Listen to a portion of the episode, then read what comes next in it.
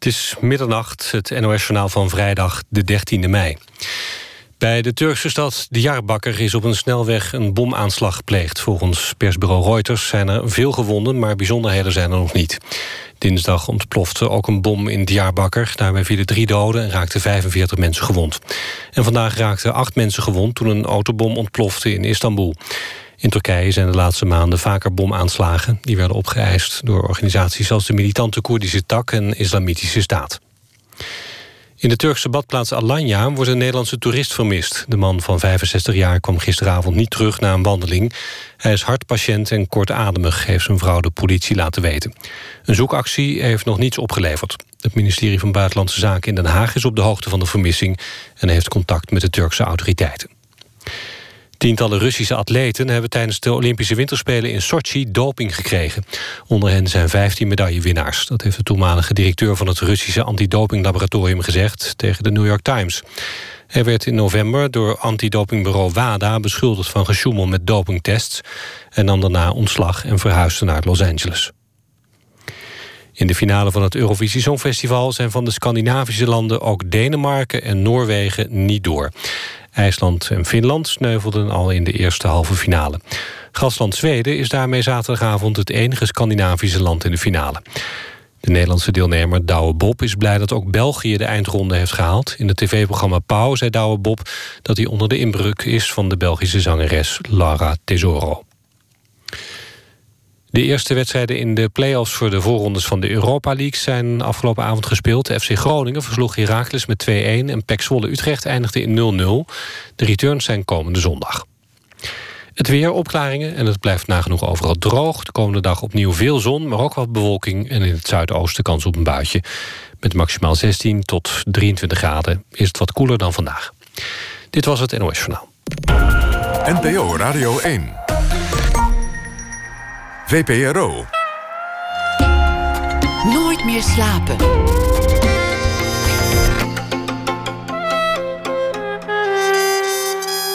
Met Pieter van der Wielen. Goedenacht en welkom bij Nooit meer slapen. Over de vertelkunst zal het gaan. De verhalenverteller Sab Divani die is te gast na één uur. Vertelt Persische verhalen, voorzien van een blazerssectie.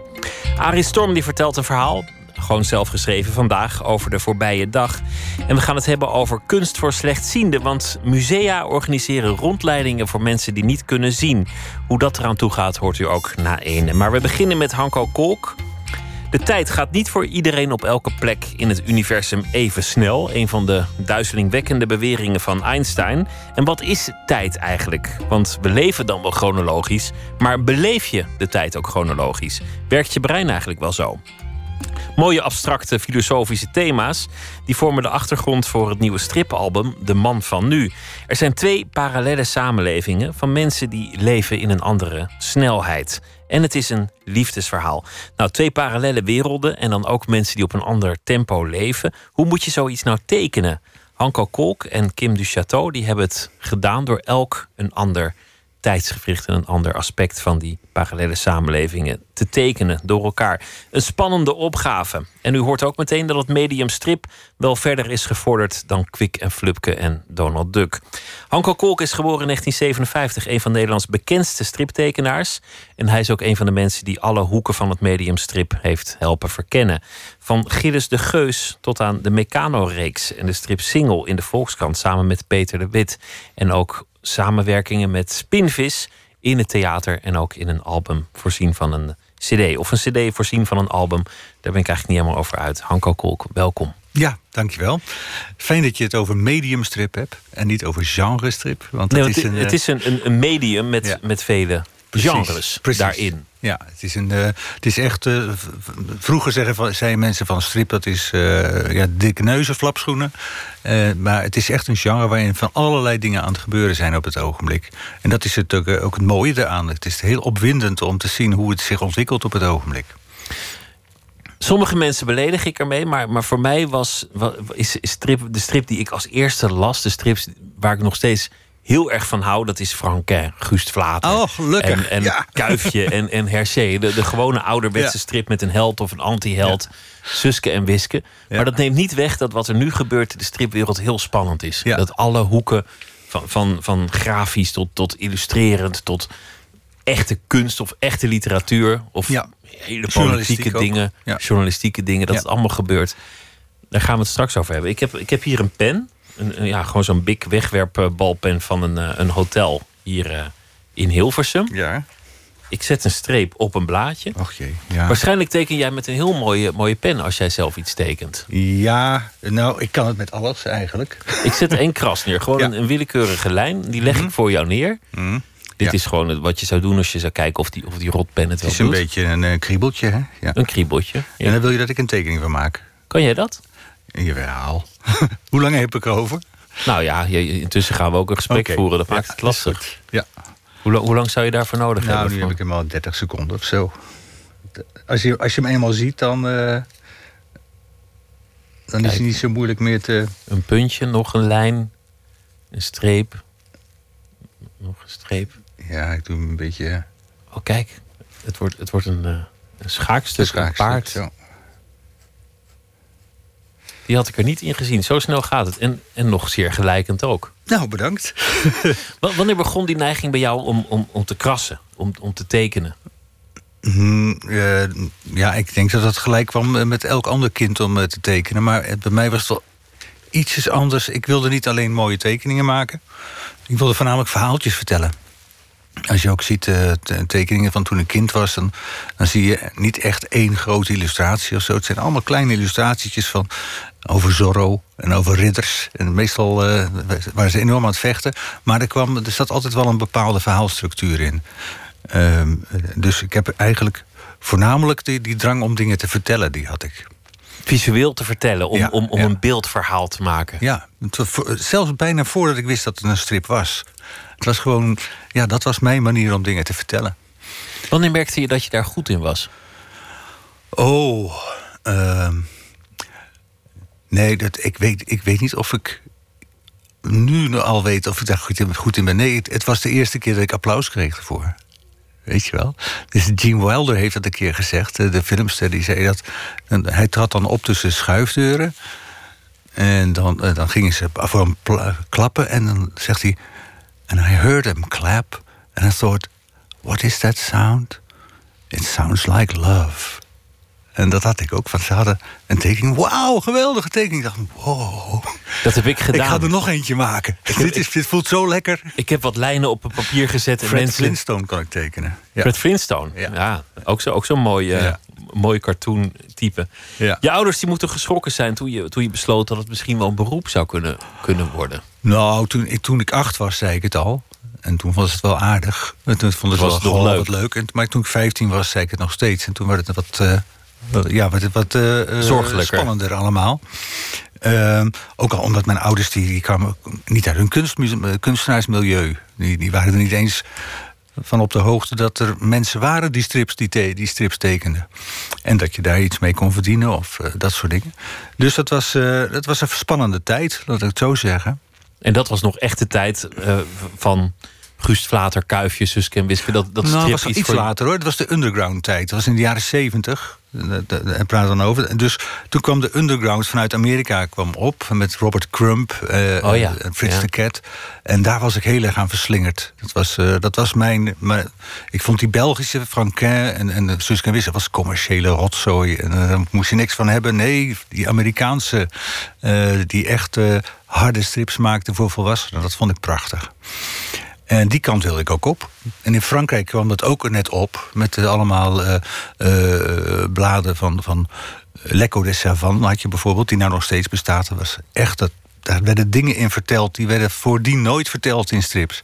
En dat vond ik fascinerend. Toen was strip ook vrij activistisch vaak Ja, in, ja. in de jaren zeventig. Ja, ze, maar ze, ze gingen ook, ook humor, die, die ging veel verder dan, dan daarvoor. Ook een beetje, ja, dat was ook de tijd van Monty Python en zo. Er was echt een, een, een verschuiving in, in humor, was er ook bezig.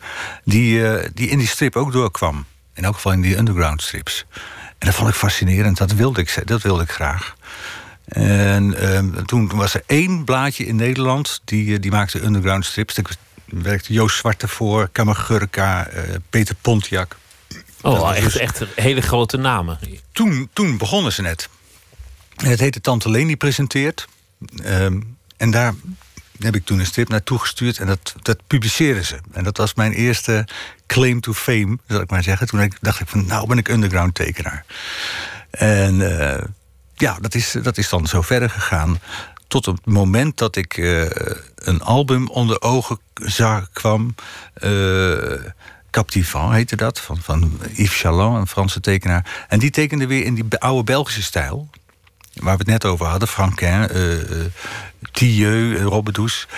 En toen, toen dacht ik, wauw, wat is dat eigenlijk goed. Dus toen ben ik weer helemaal die kant op gegaan. Voornamelijk het, het ambachtelijke van, van uh, uh, die Belgische strips. Die vond ik fascinerend. Je hebt inmiddels alles gedaan. Echt ja. alle hoeken van, van de strip heb je, heb je verkend. En ook wel echt een eigen stijl gevonden. Een, een, dingen die... Nou, je pikt het er meteen wel uit, wat, wat jij ja. maakt. Wat ik net deed, ik zet een streep... en ik zeg, maak hem even af. Dat, dat, dat zou de suggestie wekken dat het je makkelijk afgaat. Maar dat is allerminst waar. Het is niet zo dat, dat jij gaat zitten en denkt... oh, ik heb een leuk idee voor een strip en nu begin ik. Het, het nee. is iets nee. dat jou echt zwaar valt om, om zelfs maar te beginnen... om die eerste lijn van die strip zelfs uh, maar te tekenen. Ja, je moet wel in een, jezelf in een bepaalde, uh, in een bepaalde stemming krijgen... Uh, om, om het te durven. Het is echt gewoon durven eigenlijk. Want, om, om die eerste streep neer te zetten als het een album uh, wordt? Ja, of, of, of om te beginnen met schrijven. Van, eerst is het alleen nog maar een heel diffuus idee... waarvan je denkt van, oh, dat kan wel wat, wat worden. Maar dan ga, moet je het echt concreet gaan maken. En dan ja, die stap nemen, dat is, dan moet je toch wel eventjes... Uh, daar moet ik wel echt ontspannen bij voelen. En dat moet echt goede, de goede sfeer zijn om dat te durven. Kun je dat vergelijken met podiumangst? Uh, ja, ja, het is echt. Uh, als het idee nog maar een idee is, dan sta je nog in de coulissen. En als je dan eenmaal gaat tekenen, dan sta je op het podium, ja. In wat voor gemoedstoestand ben je dan op het moment dat je nog niet zeker genoeg bent om die, om die streep te zetten? Hoe, hoe moeilijk maak je het jezelf dan? Nou, dan. Uh, ja, je denkt altijd, als je enthousiast bent over een idee, dan denk je, ja, dit wordt iets fantastisch. En dan is het nog echt, nou, dan wordt het de beste strip ooit gemaakt. Maar vanaf dat moment, als je het concreet gaat maken, dan wordt het alleen maar minder. Dat is altijd zo. Dan gaat het tegenvallen, blijkt dan het geen goed idee. Dan is het net niet wat je ho hoopte dat het zou worden. Of, of het is, het is het, wat, wat oorspronkelijk idee was net iets glanzender en, en, en, en, en, en, en, en schitterender dan, dan het uitkomt. Dat is gewoon zo. Dat, moet, je gewoon mee, moet je gewoon mee leren leven. Dat jongetje tussen de deuren die voor het eerst applaus krijgt... die blijft eigenlijk de rest van zijn leven worstelen met de vraag... of dat applaus wel komt, of die het wel waard is. Ja. Of die dat talent eigenlijk wel heeft. Ja, en dat je het opnieuw uh, moet bewijzen. Het is nu iets minder hoor. Maar ik heb het toch echt wel heel lang... dat je, uh, dat heet dan het... Uh, dat je denkt van dat er op een gegeven moment staat er iemand voor de deur... en die belt aan en je doet open en die zegt van...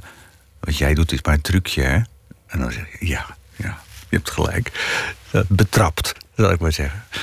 Hetzelfde soort angstdroom als, als terug moeten naar de lagere school... omdat ze je diploma nog eens tegen dicht ja, hebben precies, gehouden. Precies, ja, ja. En daar zit je dan. Ja, ik heb dat nou minder hoor. Maar het is, ik heb bijvoorbeeld de, dit boek, De Man van Nu... heb ik echt wel heel ontspannen kunnen maken. Met alle problemen die van die natuurlijk. Maar wel vanuit een soort uh, basisgevoel van... oké, uh, het, is best moeilijk om te doen, maar ik kom er wel uit. Ik heb wel wat meer... Uh, staat wat steviger erin. Je bent ook op een gegeven moment echt vastgelopen. Het moest ook anders. Je moest daar een weg in vinden, want, want er is een moment gekomen... dat het gewoon niet meer ging. Dat, dat je... Ja, ik, weet ik ben geen dokter, maar ik denk dat je het wel een burn-out kan noemen. Ja, de burn-out of midlife crisis, weet ik veel. Er zijn allemaal namen voor te bedenken. Uh, er was op een gegeven moment dat in mijn carrière zat ik. Uh, ik begon dus met, met, met kinderstrips tekenen, in wezen voor, voor mensen van 15 tot, tot 25. En ik had nog een andere serie, die was echt van 9 tot 12, uh, was het publiek dan. Uh, maar ik, van binnen voelde dat heel anders. Ik, ik, wilde andere strips maken. Ik wilde wat, wat, wat uh, grotere thema's aan, uh, aanboren. En ik, ik was dat een beetje ontgroeid. En dan kom je opeens in een situatie dat je voor, je voor je geld, voor je, gewoon, voor je vak, maak je, maak je hele grappige stripjes. Maar je hoofd is heel ergens anders. Dan zit je een soort spagaat te maken. Dat is niet vol te houden. Eh, dat is net zoiets als dat je de hele tijd zo een, een flapschoenen en een, rode neus op moet zetten. Terwijl je eigenlijk uh, over een schaakprobleem zit te denken. Dus dat, dat klopt niet. En, en, en die, die, die spagaat die gaat gewoon pijn doen op een gegeven moment. En dan loop je gewoon vast? Ja, loop je echt vast. Wat gebeurt er dan? dan word ik gewoon super depressief van. Niet vooruit te branden? Het gevoel, nou, ik moet het wel, ja. Ik, ik sleep naar de tekentafel en ik, ik duw mijn penseel uh, over, het, over het papier. Uh, het, gewoon het gevoel van, god, moet ik dit nog 30 jaar doen? Het is echt, uh, het is heel jammer. Het is, er zijn heel veel, nou heel veel, er zijn best wel veel collega's die dat ook hebben gehad. Franquin heeft het ook gehad. Die, uh, nou en of, die, die ging toen ook die reeks Zwart Kijken ja, maken. Zwart kijken, die, die, ja. depressies en, ja. en het is gewoon, uh, als je humor maakt, dat is een, uh, uh, ja, dat is een, een gevaarlijk vak. Laat ik het zo zeggen. Ik moet meteen denken aan de huilende clowns en de, de, de depressieve komieken. Ja, dat zijn echt allemaal clichés. Maar ja, cliché is niet voor niks een cliché. Hè? Jij ging toen in retraite. Dat, dat is ook een, uiteindelijk een album geworden. Maar dat waren tekeningen die geen sinds bedoeld waren om uit te brengen. Nee. Het, het waren tekeningen die je voor jezelf maakte om dingen uit te vinden. Het was een dagboekje. Een, een, Gewoon een, dagboek. visueel dagboek. Ik, wilde, uh, ja, ik, ik, ik kan eigenlijk geen dag voorbij laten gaan dat ik teken. Dus ik dacht, laat, laat ik gewoon me mee. Ik had een heel mooi boekje bij me. Echt een prachtig schetsboekje. En toen dacht ik, nou, laat ik gewoon gaan tekenen wat ik uh, die dag meemaak. En het was heel erg leuk. Het is, uh, ik was in een Italiaans dorpje en ik kwam daar met allemaal kunstenaars in aanraking. En, ging, en allemaal nieuwe mensen om me heen. En ja, daar heb ik dus een dagboekje van gemaakt. En tijdens dat tekenen vond ik een hele nieuwe stijl van mezelf. Dat, dat, dat kan je niet bedenken, zoiets. Maar dan denk je van, wow, dat is leuk. Laat ik nog eens iets proberen. En dat werd, uh, dat werd de single-stijl. Die ik nou voor de strip single gebruik. Als ik het zou moeten, moeten, moeten uitleggen in visuele zin... dan is het eigenlijk dat je weinig lijnen nodig hebt... om tot, tot resultaat te komen. Ja. De vloeiende lijn ja. die, die, je, die, die je volhoudt. Ik probeer het zo minimaal mogelijk te houden. Het echt uh, uh, zo weinig mogelijk lijnen gebruiken. Maar die lijnen moeten dan echt tot op de tiende millimeter goed staan. Bijvangst, anders zijn ze mist. Bijvangst van iets anders dat je aan het proberen was. Namelijk therapeutisch tekenen. Of, of je eigen leven uitvogelen aan de hand van, van beeld. Ja. Werkt dat zo? Is, zit, moet, er, moet er iets van jezelf in zitten in zo'n album om het echt goed te krijgen? Uh, ja, je moet, je moet heel erg in het verhaal geloven natuurlijk. Dus je moet eigenlijk zo dicht mogelijk op het verhaal zitten... om het overtuigend uh, aan het publiek te laten zien. Want als je er zelf niet in gelooft... dan kan je niet, kan je niet verwachten dat het publiek erin uh, gaat geloven. Dus ik probeer wel een heleboel van mezelf erin te stoppen... zonder dat het, uh, zonder dat het voor, de, voor de lezer duidelijk is. Het moet gewoon heel dicht bij mij zijn... maar de lezer hoeft niet te weten dat het heel dicht bij mij is. Later in je leven zou er iets gebeuren dat, dat ook nog opmerkelijk was. Dat was namelijk, je tekent over allerlei dingen die je meemaakt. Hm. Het is later uitgebracht. Een van de gedachten was een, een, vrouw met wie je ooit in de jaren zeventig een nacht doorbracht in, in ja. Frankrijk. Ja. En ineens dacht je terug aan ja, die, die vervlogen nacht. Nou, dat is, ja, dat is altijd een. Je hebt, ik denk dat iedereen dat wel heeft in elk geval dat wens ik iedereen toe. Uh, dat je uh, één, één vervlogen liefde hebt van vroeger... die, die als een soort mantra blijft die naam in je hoofd uh, nagalmen. En ja, dan, dan, ik zat dus in, in, in Italië zat ik daarover te praten. En, en die andere mensen hadden ook wel iemand. En toen kwam inderdaad die naam Isabelle Rosselin kwam naar boven. Ik dacht van, oh ja, dat was, dat was die tijd. En dat was heel, het is wel heel interessant en leuk om daar even over na te denken. En uh, niks is toeval, zeggen ze natuurlijk. Maar ik las die. Volgende dag las ik de krant en daar stond haar naam opeens in. Want ze had een. Uh, ze bleek vertaalster te zijn van Harry Mulisch. Van het Ontdekking van de Hemel had ze vertaald in het Frans. Dus je hebt een gesprek over een, een liefde van, van eeuwen terug. Ja. Ergens ooit. Het is toch raar? En en je tekent om dat voor jezelf ja. op een rij te zetten. Die tekening komt later ook in dat, in dat album, wat nooit de bedoeling was dat uit zou komen. Nee. En de volgende dag lees je haar naam in de krant. Ja, dat is, echt, dat is toch te bizar voor woorden. En toen? En sommige dingen, echt, dat, dit zijn van die dingen. eh, ja, het is dat het een dagboekje is, maar als ik het zou bedenken voor een verhaal, zou ik denken: nee, kom op. Toen was het niet het moment. Het, het, ik bedoel, je, je overdachte alles, maar je thuis was elders. Je hoorde elders. Ja, Je hebt er toen niet iets mee gedaan, zozeer. Niet Nee. meteen de telefoon opgeraapt. nee. Maar inmiddels, je bent vaak in Parijs vanwege een, een, een liefde. Ja, dat is haar. dat is zij. Ja, we zijn elkaar toen na 30 jaar weer tegengekomen. En dat was eh, ja, vreselijk leuk. En dus eh, ik ben nou met haar getrouwd. Mooi, hè? Prachtig. Prachtig. Je- Super cheesy eigenlijk. Als je het, als je bijna bijna te, te zoet. Maar, Ja. maar over zoetigheid komen, komen we ook nog te spreken. Je zei net dat je, dat je echt heel zeker moet zijn voor je begint. Dat je, dat je bijna podiumangst hebt voor je opgaat. Je maakt zo'n album waarin je je stijl vindt. En het was helemaal niet de bedoeling om het uit te brengen. Je hebt een, je hebt een ander project gedaan. Alweer een Mhm. poosje terug samen met Spinvis. Ja. Dit is, dit is eigenlijk niet meer echt strip te noemen. Althans, dat is dogmatisch om te zeggen wat wel en niet strip is. Maar het is illustratief. Het zijn tekeningen bij liedjes. Ja. Nou ja.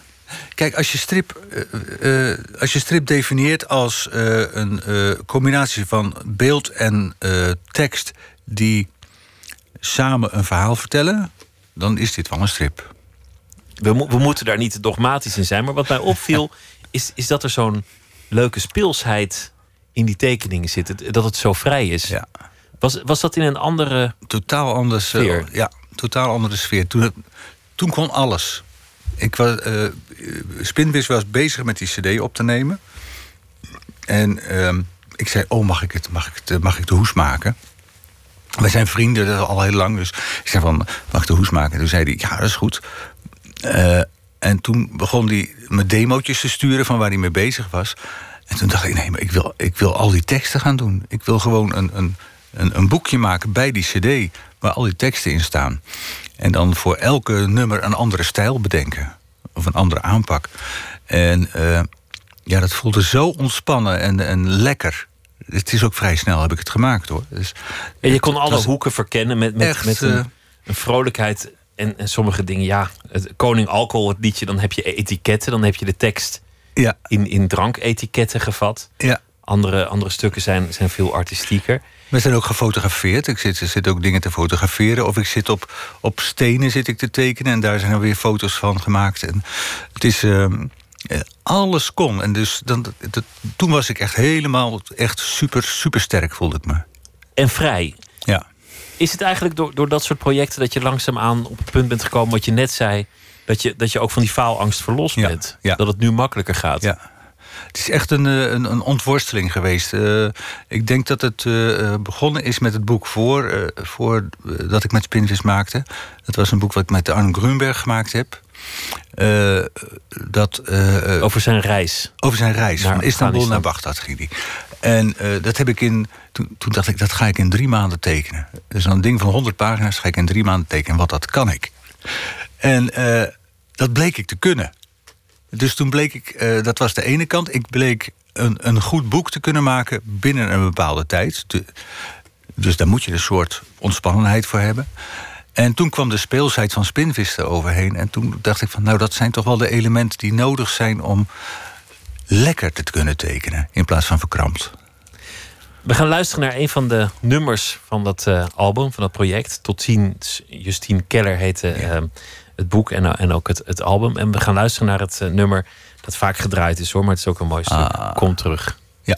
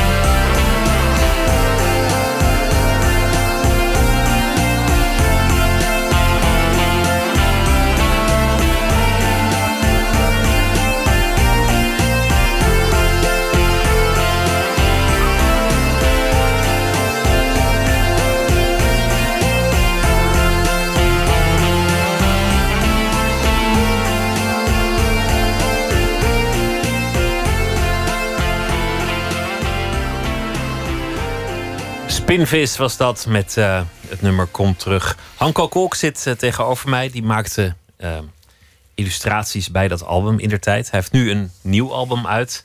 De Man van Nu. Daar, daar gaan we het ook over hebben. We, we hebben het al over een aantal dingen gehad. Namelijk hoe je begint aan ja. zo'n strip. In dit geval extra moeilijk. Want, want je, je hebt een, een, een verhaal dat, dat al zo abstract is. Namelijk twee parallele werkelijkheden die tegelijk op dezelfde plaats, maar niet in dezelfde tijd ja. zitten. De een kan wel de ander zien, maar de ander de een niet. Want wat voor de ene seconde is, is voor de ander een leven, zo'n beetje. Ja, misschien wel meer. Misschien ja. wel meer. Je, je, hebt het over femtosecondes en, ja. en nog kleiner dan nanosecondes. Ja.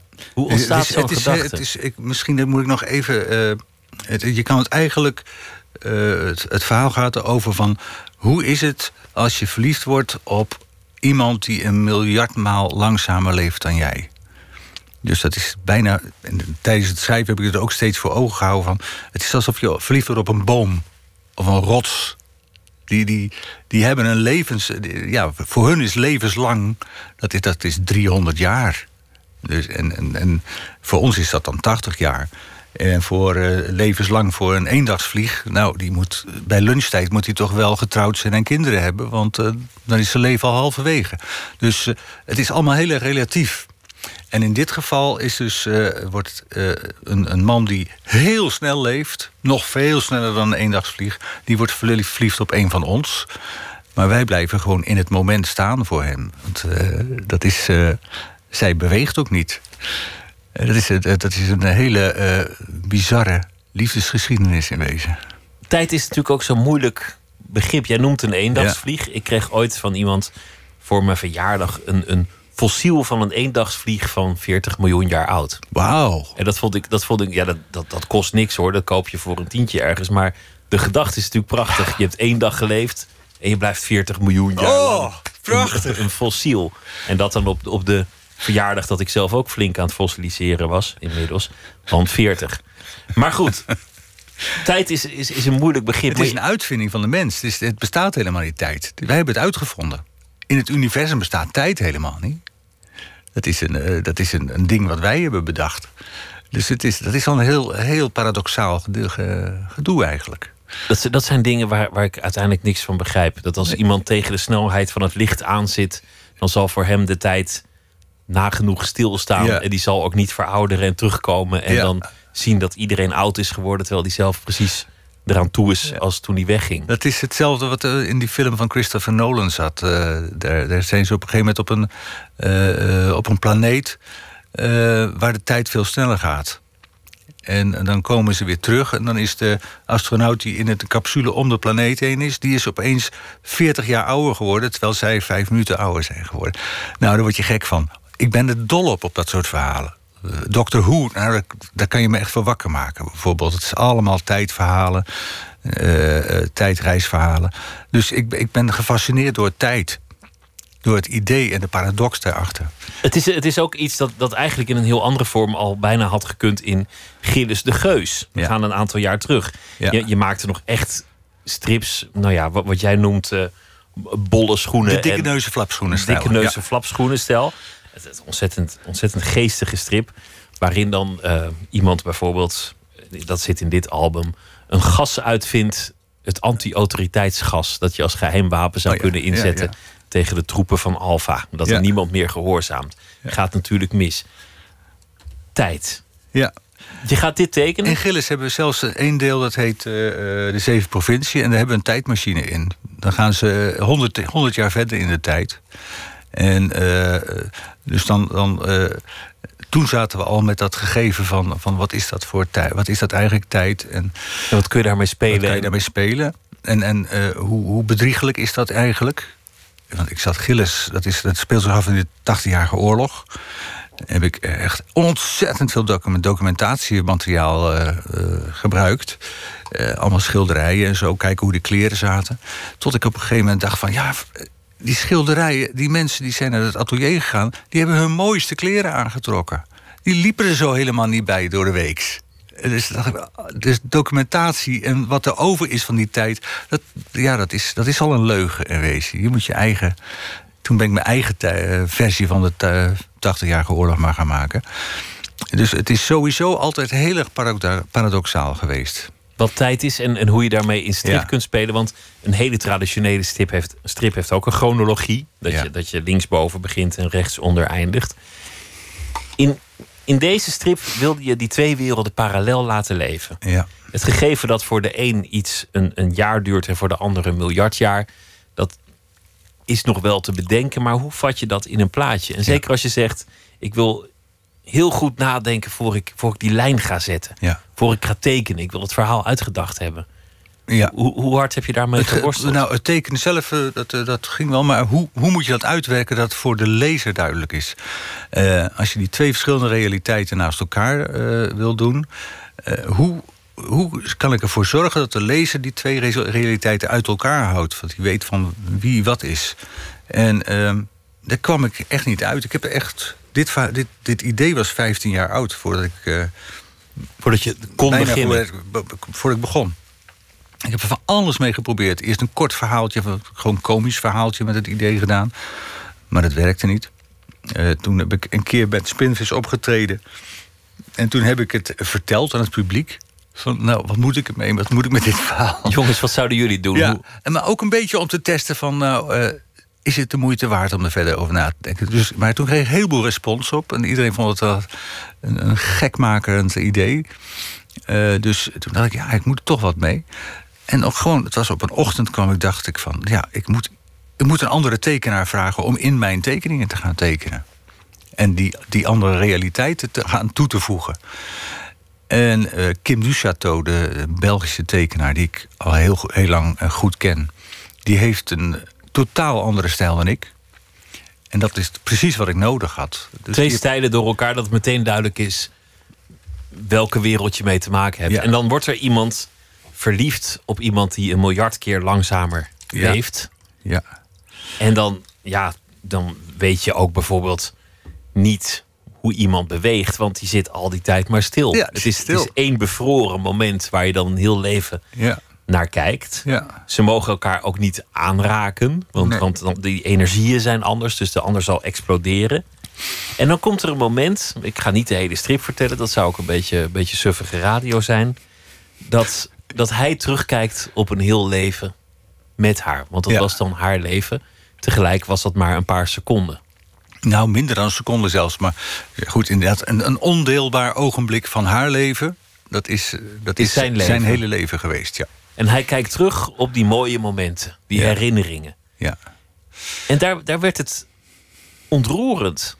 Het, Nou, het, werd melancholiek, het werd, het werd prachtig. En het liep op, het riep op een soort proestachtige manier ook de, de gedachte op... ja, tijd bestaat ook niet in je hoofd, niet in je geheugen. Je leeft tegelijk in het verleden, in het heden, in de toekomst. Je bent nooit helemaal waar je bent. Je hebt altijd associaties en andere momenten. Dus mooi. Ook al gaat het leven één kant op, zo werkt je brein niet. Nee, dat is inderdaad... eh, is grappig dat je dat zegt, want mm, dat is nog een gedeelte... waar ik, waar ik nog veel meer mee wil gaan doen. Dat is misschien wel een volgend boek voor me. Het geheugen en hoe dat werkt. Maar eh, in dit geval ziet hij inderdaad zijn leven met haar... en wat hij allemaal gezien heeft, ziet hij aan zijn geestesoog voorbij gaan... als een soort eh, snelle montage, een collage in wezen.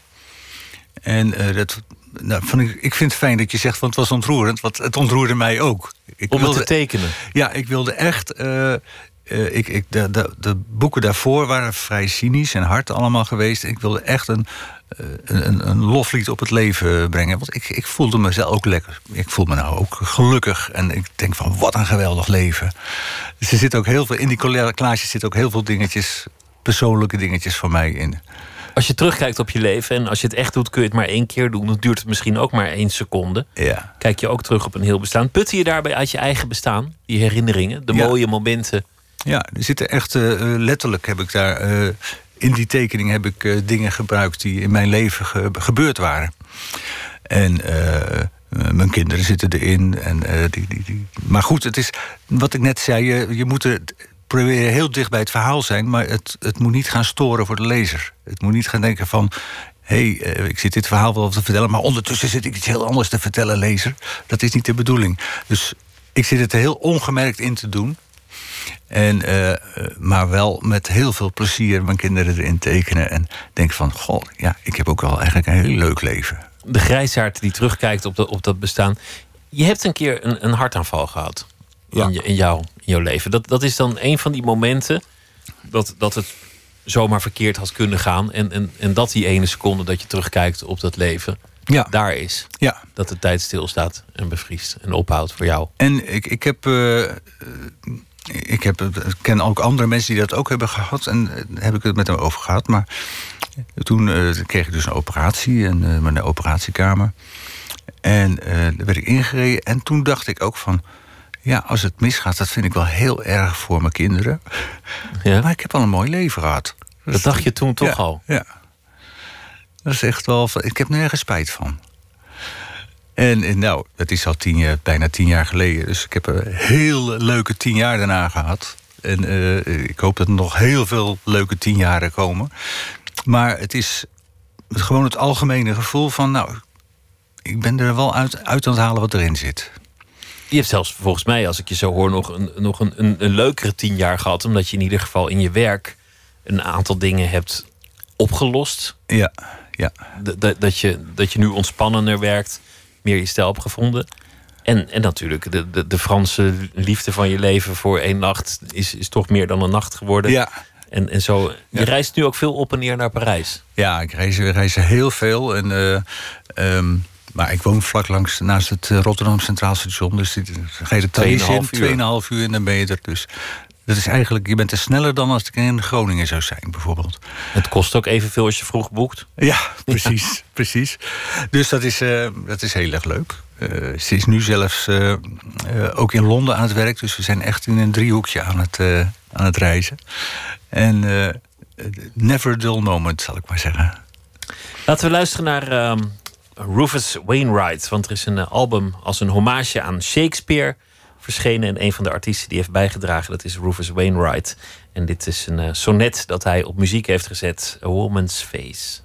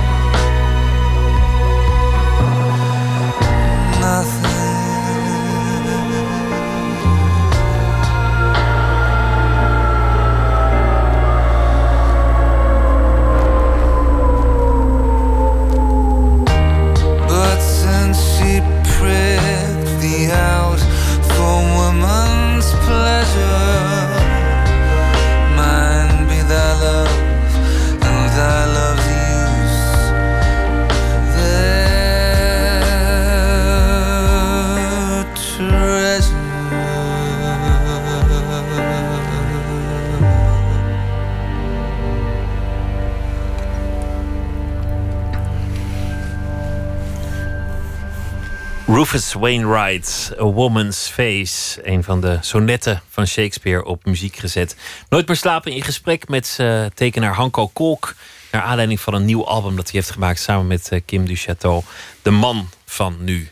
Over uh, mensen die in verschillende tijdsnelheden leven. Wat als een seconde voor de een een, een eeuwigheid is voor de ander. Ja, Zeg ik het goed? Ja, ik vind het heel mooi. Ja. Ik, vind ik, ik, denk, ik zit net in mijn achterhoofd van, die ga ik onthouden. Oké, ja, ik, ik, ik zat me af te vragen, klopt het nou wel weer? Want het, het, is, het is het ingewikkelde materie, maar, maar tegelijk ook een heel vrolijke strip natuurlijk. Het, ja, het, is ook dat is wel mijn bedoeling. Van, uh, uh, dat, uh, ik wil zo'n zo ingewikkeld ding als, als dit...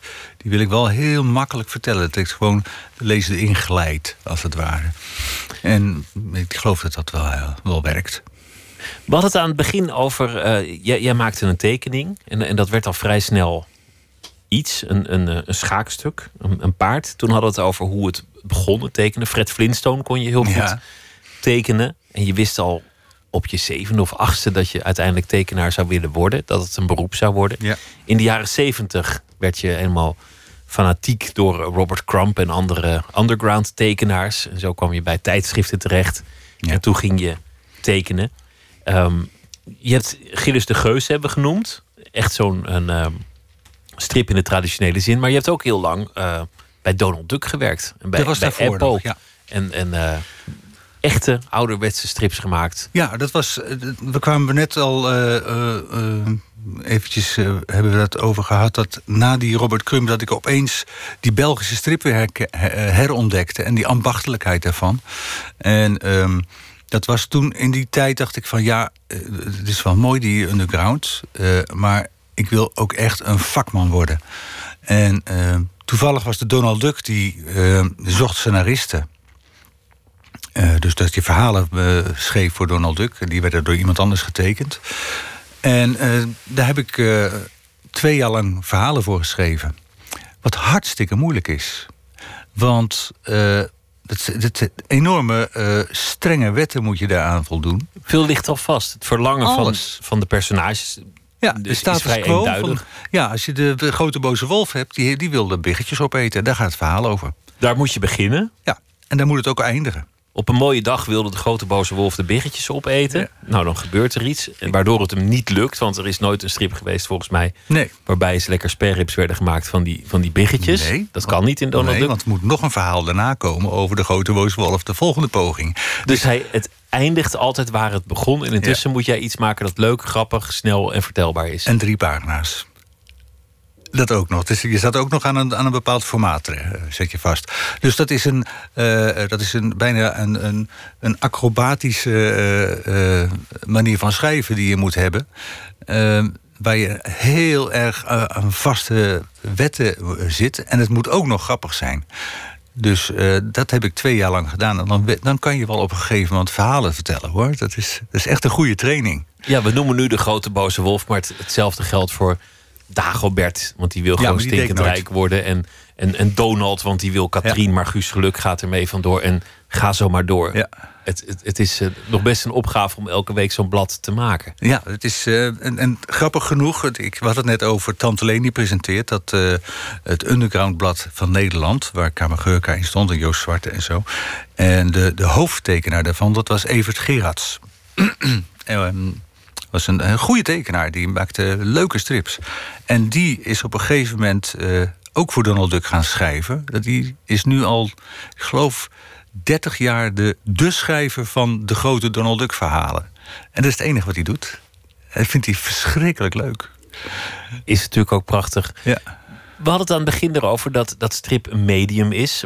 En dat, dat er enorm veel ontwikkelingen zijn geweest. En, en naar mijn idee, met, met enige afstand zeg ik dit, de laatste twintig jaar misschien nog wel in een soort stroomversnelling. Dat, dat echt alle grenzen overschreden worden van wat Ja. voorheen mogelijk leek. Ja. Dat, dat, het, dat het medium echt alle hoeken verkent. In Nederland blijft het toch veel marginaler. Je komt nu vanwege de liefde veel in Parijs, waar, waar op elke straathoek een stripwinkel zit, waar, waar stripartiesten sterren zijn, waar, waar honderdduizenden exemplaren, soms wel een miljoen exemplaren van een stripalbum verkocht kunnen worden. Ja, Ja. Waar, eh, nou ja, waar, waar ook het hele land in rep en roer was vanwege een cartoonblad. Omdat het daar heel naar afliep. Ja. Nou ja, dat is natuurlijk over de hele wereld in, inmiddels. Maar strip is daar een heel wezenlijk iets Ja. in de cultuur. En dan vraag je natuurlijk waarom daar wel en hier niet zo. Ja, of laat ik het, laat ik het Ehm. iets persoonlijker vragen. Zit, zit dat jou dwars? Is dat een missie? Eh, het, nou, het viel me wel op op een gegeven moment eh, dat bijvoorbeeld in Vlaanderen eh, de strip. pak een beetje tien jaar geleden, opeens een enorme nieuwe generatie baarde. eh, die hele indrukwekkende dingen deed. Grote, mooie boeken, ambitieuze projecten. En Nederland bleef daarin achter. Ehm, dat wil zeggen, ze, er kwamen cartoons en strookstripjes werden er gedaan. En een beetje de grapjes en de bub, de. En niet die, die grote mooie dingen. En eh, dat, dat vond ik wel jammer. En ik snapte ook niet precies waar dat kwam. We hebben dezelfde taal. eh, eh, we- wonen 100 kilometer van elkaar af. Wat is er aan de hand? Dus het enige wat ik toen dacht van... ja, ze hebben daar een stripopleiding. In Gent is een stripopleiding. En eh, in, in Brussel is een stripopleiding. Op de kunstacademie. Eh, en die, eh, ja, die hebben toch wel enorm veel nieuwe talenten opgeleverd. En toen dacht ik, nou, dan moeten we hier ook eentje hebben. Dus dat, heb ik dat ben je gaan doen. ja, samen met Jean-Marc van Tol van de Fok en Sukken. De, die eh, vond dat ook. Toen hebben we daar flink aan getrokken. En ja, er is er nou één in Zwolle. In de, de kunstacademie in Zwolle. Dat, Daar kan je de opleiding tot striptekenaar Ja. voor. Wat is, de, wat is de eerste belangrijkste regel die je aan al je eerstejaars meegeeft, als die er al is? Ja, daar moeten ze heel erg om lachen, altijd. Eh, dat is de eerste les die ik geef, altijd. Ehm, eh, even kijken hoe ik dat moet uitleggen zo- aan luisteraars, want je moet het eigenlijk zien. Als je een. eh, eh, ik zal het ook even tekenen. Ja, Kijk, teken het. Dan- Als je, als je een personage hebt die voor een deur staat. Je, ik doe hem heel. Ik zet hem even. Kijk hier het personage. Die staat voor een deur. Zo. Eén lijn, een mannetje met een gezichtje en een deur. Ja. En als je die deurpost, als je die nou eh, een beetje laat schuren tegen zijn, tegen zijn arm, zo, dan weet de lezer niet meer van, is dat streepje nou zijn arm of is dat die deurpost? Dat heet een tangent. En dan zeg ik altijd die eerste les van, als ik bij jullie ooit een tangent zie, dan krijgen jullie zweepslagen. Dat moet je gewoon afleren. Die, die lijnen echt- moeten duidelijk Dat zijn. is zo'n simpel dingetje. eh, die zo'n verschrikkelijk effect heeft. eh, Waardoor je tekening of onleesbaar wordt of heel makkelijk leesbaar. Dat is de eerste die ik, eh, die ik, die ik zeg. En tweedejaars zeggen dan altijd tegen de eerstejaars van... van eh, heeft hij het al over de tangens gehad? Een romanschrijver kan nog wel eens beginnen met, met niet echt een idee hoe het zal gaan, hoe het zal aflopen. Die, die, die kan een, Ja. een, eh, wit scherm openen en beginnen met, met schrijven. De een weet het wel helemaal, de ander niet. Met een strip lijkt me dat heel moeilijk om te beginnen terwijl je nog niet echt weet waar het verhaal naartoe gaat. Nou, er zijn er wel mensen die dat kunnen hoor. Het zijn echt wel tekenaars die dat doen. Eh, en eh, de- daar heb ik ook enorme bewondering voor een aantal, aantal collega's die kunnen dat. Maar ik kan dat niet. Ik, ik kan ook een plaatje kan ik niet laten ontstaan op, eh, op papier voor mijn ogen. Ik moet het eerst helemaal in mijn hoofd hebben. En dan Het teken verhaal. ik het gewoon na. Maar het verhaal wil ik ook helemaal geschreven hebben. Tot en met de dialogen. Dat moet helemaal klaar zijn en dan ga ik pas tekenen. Dat, is, dat komt ook een beetje van, ja, dat faalangstige, dat zit er toch wel in. Ik wil al mijn, ehm, alle zekerheden, die, die moeten in, eh, op zijn plaats zijn voordat ik ga tekenen. Ik noemde net al dat, dat je vele hoeken van het medium hebt verkend. Ehm Meccano, dat, dat, dat is een, een, een heel, ja, heel erg vanuit die ene lijn getekende eh, reeks. Met, Ja. met, met verhalen die, die soms best abstract worden. In diezelfde reeks maakte je een, een reisgids. De ruige gids, de, de, de, de rough guide. Dat- De ruwe gids, ja. de ruwe gids. De ruwe gids, ja. Je had een, een, een streek bedacht. Ja, de Macano, dat, is, eh, dat zijn vier boeken geweest. Eh Macano is een stad. Monaco, eigenlijk. Ja. Dus, en dat was dus een stad waar mensen zo verschrikkelijk rijk zijn... dat eh, ze echt niet meer hoeven te werken. En eh, daar hoeven ze zich echt niet meer door over te maken. Dus die kunnen zich laten meeslepen door elke hype die er maar om hun heen is. En wat voor mij natuurlijk een, eh, een prachtige manier is om uh, satire te bedrijven. En een beetje een tijdsbeeld op de hak te nemen. Een tijdsbeeld op de hak te nemen, een bepaalde stand mensen op de hak te nemen. En meteen het medium reisgids op een illustratieve manier nemen. En waarbij je ook kon putten uit alle visuele beeldtalen die er zijn geweest. Van aanzichtkaarten tot, tot, tot mooie oude plaatjes, tot, tot glamourface. Je kon, je kon werkelijk je volledig uitleven in het imiteren van andermans beelden. Ja, dat vind ik het grappige aan. Van, uh, je kan helemaal, uh, als ik daar eenmaal mee bezig ben, ook dezelfde manier van schrijven van die reisgidsen. Die, die heb ik dan zitten imiteren. Er zat een één reisgids uit 1960 in. Nou, die wordt dan weer anders geschreven dan nu. Dus ik ben, ik ben daar heel erg uh, liefhebber van om dat zo, zo, zo grondig mogelijk te, te, te, weer te geven. Dus ik zit, ik zit inderdaad zit ik alles te bekijken van dan ga ik. Nou ga ik een ansichtkaart maken. Hoe zag een ansichtkaart van mijn kano zou die eruit zien? En dan, en dan ga je dat. Ga je, ja, dus ik echt hobby, hè? De hobby. Wat, zijn, wat zijn jouw grote helden? Want, want eentje zou, zou ik vermoeden dat zou zijn Matisse. Om, omdat je zelf met een met één lijn een tekening maakt. Waar hij op een zeker ogenblik ook, ook mee bezig was. Ja, uh, Matisse, Picasso misschien ook wel. Uh, dat is raar, want Matisse was dus een hele strenge, een beetje gesloten man. Uit het noorden van Frankrijk. En Picasso was juist de bon vivant, de levensgenieter en zo. En ik heb alle twee wel een beetje in me. Ik kan, als, ik kan heel erg, als ik verkramp, die verkramptheid dat, dan ben ik Matisse. En soms dan heb ik ontzettend plezier. En dan is het meer Picasso die kant op. Uh, er is ook natuurlijk de striptekenaars die ik bewonder. Het Franquin sowieso. Goscinny vind ik fantastisch. Die schreef, Asterix, ja. schreef Lucky Lux. Asterix schreef hij s'avonds. En dan doet hij ook nog Le, Le Jeune Albert schreef hij en zo. Fantastische schrijver. En ook nog de, een, een, tekenaar die Mad Magazine heeft opgericht. Die Harvey Kurtzman heet hij. Dat is ook een van mijn grote goden, is dat. Zou je ooit zelf uiteindelijk tot kunst willen verheffen in, in een museale zin? Dat, dat, dat je gewoon zeefdrukken zou gaan maken of, of, of tekeningen? Ja, dat zijn dingen die ze op zichzelf staan natuurlijk. Uh, ik ben niet zo voor uh, bijvoorbeeld originele pagina's aan de muur... Uh, en dan dat die, dat die tentoongesteld zijn, want dat is een halffabrikaat. De pagina's het gaat toch om het verhaal? Ja, die pagina's die horen bij elkaar te zitten... en er hoort een, een, een omslag omheen en het is een boek. Ehm, die, die pagina's dat die los aan de muur hangen... dan zijn ze uit hun verband gerukt. Dat is niet zo interessant. Ehm maar, maar zeefdrukken maken. En, en ik maak ook sculptuurtjes en, en uh, objecten en zo. Dus ja, dat kan ook. Striptekenaars die zijn wat dat betreft zijn ze heel erg, heel erg flexibel hoor. Joost Zwarte heeft een huis ontworpen. Dat is waar, ja. Je kunt gewoon andere kunstvormen incorporeren. Maar uiteindelijk zal je altijd terugkomen. En dat doen ze ook allemaal bij de strip. Ze flirten met de poëzie, met de literatuur, met het pamflet, met, met film met noem maar op. Maar uiteindelijk. ze komen altijd terug op verhaal. Op, op het beeldverhaal. Ja. ja.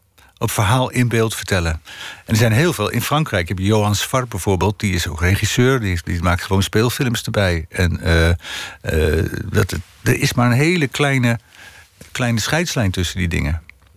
Uh, er stond vandaag in de Volkskrant stond een interview met de, de man die de storyboards voor Game of Thrones maakte. Nou, dat zijn gewoon strips. Die, die fantasy-werelden, ja, dat, dat, Komt, dat komt ook uit de strip volgens mij oorspronkelijk. Wat zou je nog echt willen? Vraag ik me af. Want, want inmiddels heb je zoveel dingen gedaan. En, en heb ik het nog niet eens gehad over single. Dat, dat, dat is een krantenstrip. Dat is ook nog echt loodzwaar om elke keer maar door te gaan met, met, met zo'n reeks. Over, over de, nee, het, klinkt, het, klinkt alsof ik me heel erg verschrikkelijk uh, aan het lijden ben. Maar het is gewoon enorm plezierig.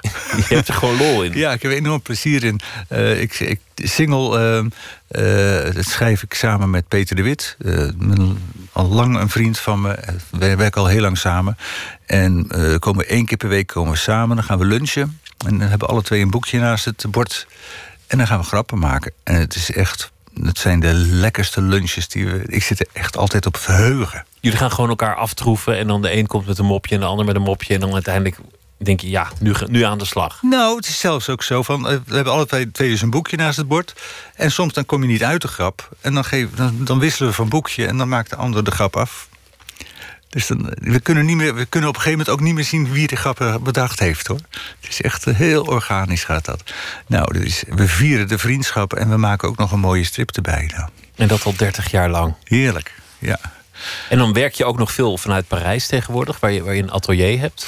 Waar, je, waar je lekker kan zitten tekenen de hele dag. Ja. En dan in, in de stad waar de strip echt nog wordt gevierd. Ja, er is echt uh, collega Brecht Evens, die uh, Vlaamse tekenaar, die is. Die gaat heel goed in Frankrijk. Die had nou een expositie, daar ben ik vorige week geweest. En er staat echt de hele straat staat vol met mensen.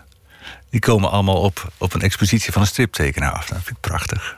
Ik voorspel dat het in Nederland ook gaat gebeuren. Ook al zijn we misschien sinds de beeldenstorm wat minder op, op het beeldverhaal ingesteld als, als Calvinisten. Ik denk dat die strip in Nederland nog, nog wel een hoge vlucht gaat nemen. Ja, dat denk ik ook. Want het is, het is ook de laatste vijf jaar is er echt veel veranderd. Eh, de striptekenaars in Nederland die zijn ook wat meer naar buiten gaan kijken. Die, uh, mensen als Tipex, uh, Erik Kriek, die zitten echt voor Europa te werken. Je zit niet meer voor dat, voor alleen maar voor het Nederlandse taalgebied te werken. Waardoor je ook uh, hele ambitieuze dingen kan doen. En met heel veel succes. Dank dat je te gast wilde zijn. Het album heet De Man van Nu. Samen met Kim Duchateau gemaakt. Hanko Kolk, het was leuk om je ja. hier te hebben. Dankjewel. Goeienacht. We gaan zo meteen uh, verder met Nooit meer slapen. Twitter, het VPRO NMS. We zitten op Facebook. En u kunt de podcast uh, downloaden via iTunes of de website van de VPRO.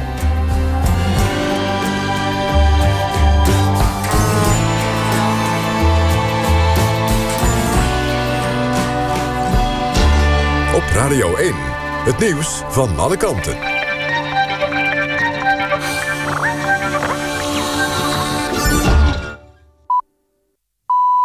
Het is 1 uur, dit is Jeroen Tjepkema met het NOS Journaal. In de buurt van de Turkse stad Diyarbakir zijn afgelopen avond vier Koerdische rebellen omgekomen... toen de bomauto die ze inladen te vroeg explodeerde. Ook raakten 17 mensen gewond. Twee van hen zijn er slecht aan toe. Het is niet bekend welk doelwit de daders op het oog hadden. Door de explosie viel de elektriciteit in de buurt uit. Ook raakten enkele huizen beschadigd.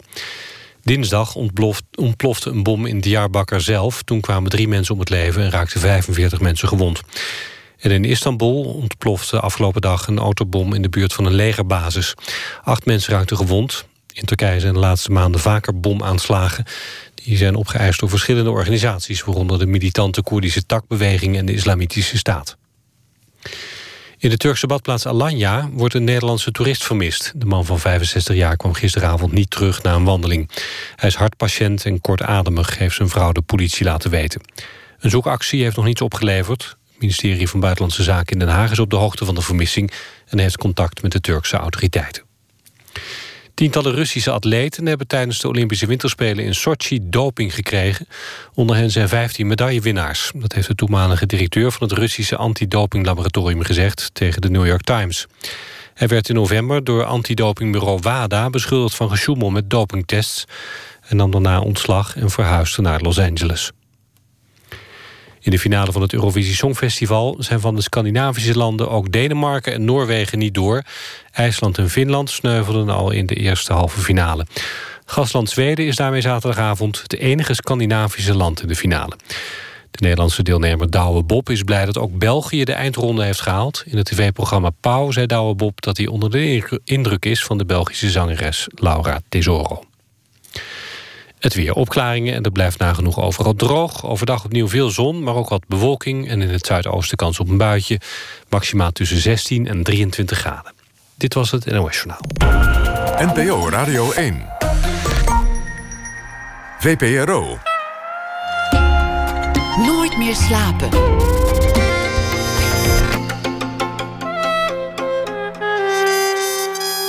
Met Pieter van der Wielen. Elke dag geef je bewust en onbewust informatie weg over jezelf. Er is een reizende installatie, de Mirror Room, die bezoekers laat ervaren hoe het is om data te zijn. Onze verslaggever die geeft zichzelf bloot in die Mirror Room. Verhalenverteller Sahand Saab Divani die komt langs... naar aanleiding van een Luister naar het Riet. Een voorstelling waarin hij het podium deelt... met het Jong Nederlands Blazersensemble. We beginnen met Arie Storm, schrijver en criticus en vertaler. En deze week is hij onze huischroniqueur... die de voorbije dag samenvat in een verhaal. Goedenacht, Arie. Uh, goedenacht, Pieter. Ja, de titel van je boek beloofde je gisteren... als die nog goed genoeg was... Ja, die dan heb ik je... in, mijn, uh, in mijn verhaal verwerkt zelfs. Dus, oh, nou kijk, helemaal dus, spannend. Dus hij komt langs. Zullen we meteen gewoon beginnen of wil je nog iets zeggen over dat verhaal van tevoren? Nee, misschien heb je straks nog wat te... Nee, ik, ik ga het wel gewoon voorlezen. Ga je gang. Ja. Ik voelde hoe ik geleidelijk een tweede werkelijkheid ingleed. Daar waren we gisteren gebleven. Dat idee had ik omdat ik erover had gelezen, over die tweede werkelijkheid. Maar het had ook een andere oorzaak. Of om precies te zijn, verschillende andere oorzaken. Ik houd van ons huis, het huis waarin we wonen, als het warm is, op een dag zoals vandaag en zoals op de voorafgaande dagen. Het is dan licht in ons huis, mooi, en als de buren niet te veel keet maken, is het stil. Het ruikt lekker in ons huis, naar papier, er staan hier enorm veel boeken en er hout, oud hout. Dat is een fijne geur. De katten zijn rustig. Die liggen de hele dag voor pampus door de hitte. Ik werk. Ik werk aan mijn nieuwe roman. Die een diadeem van Douw heet. Dat heb ik gisteren besloten. Een diadeem van Douw is een citaat uit het gedicht Lamia van de romantische dichter John Keats. Die leefde van 1795 tot 1821. Niet zo lang dus. In de vertaling van Jan Kuiper staat er... Voordat de veeën er de kans toe zagen, nymfen en zaters uit het bos te jagen, voor koning Oberons diadeem van Douw. Het is een tijdsaanduiding. Koning Oberon is de koning van de schaduwen en de elfen. En die Lamia, waarnaar het gedicht is genoemd, om het helemaal compleet te maken, is een demon uit de Griekse mythologie die kinderen opat. Het is precies de associatie die ik moet hebben voor mijn roman. Daarin worden weliswaar niet letterlijk kinderen opgegeten.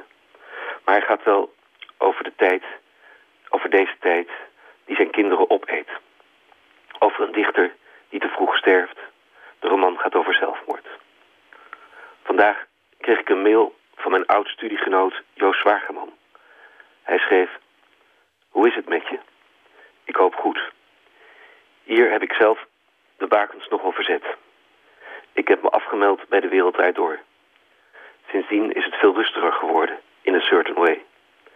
Ik hou me ver van radio en tv. En mijn humeur knapt daar enorm van op. Verbijsterd lees ik de mail.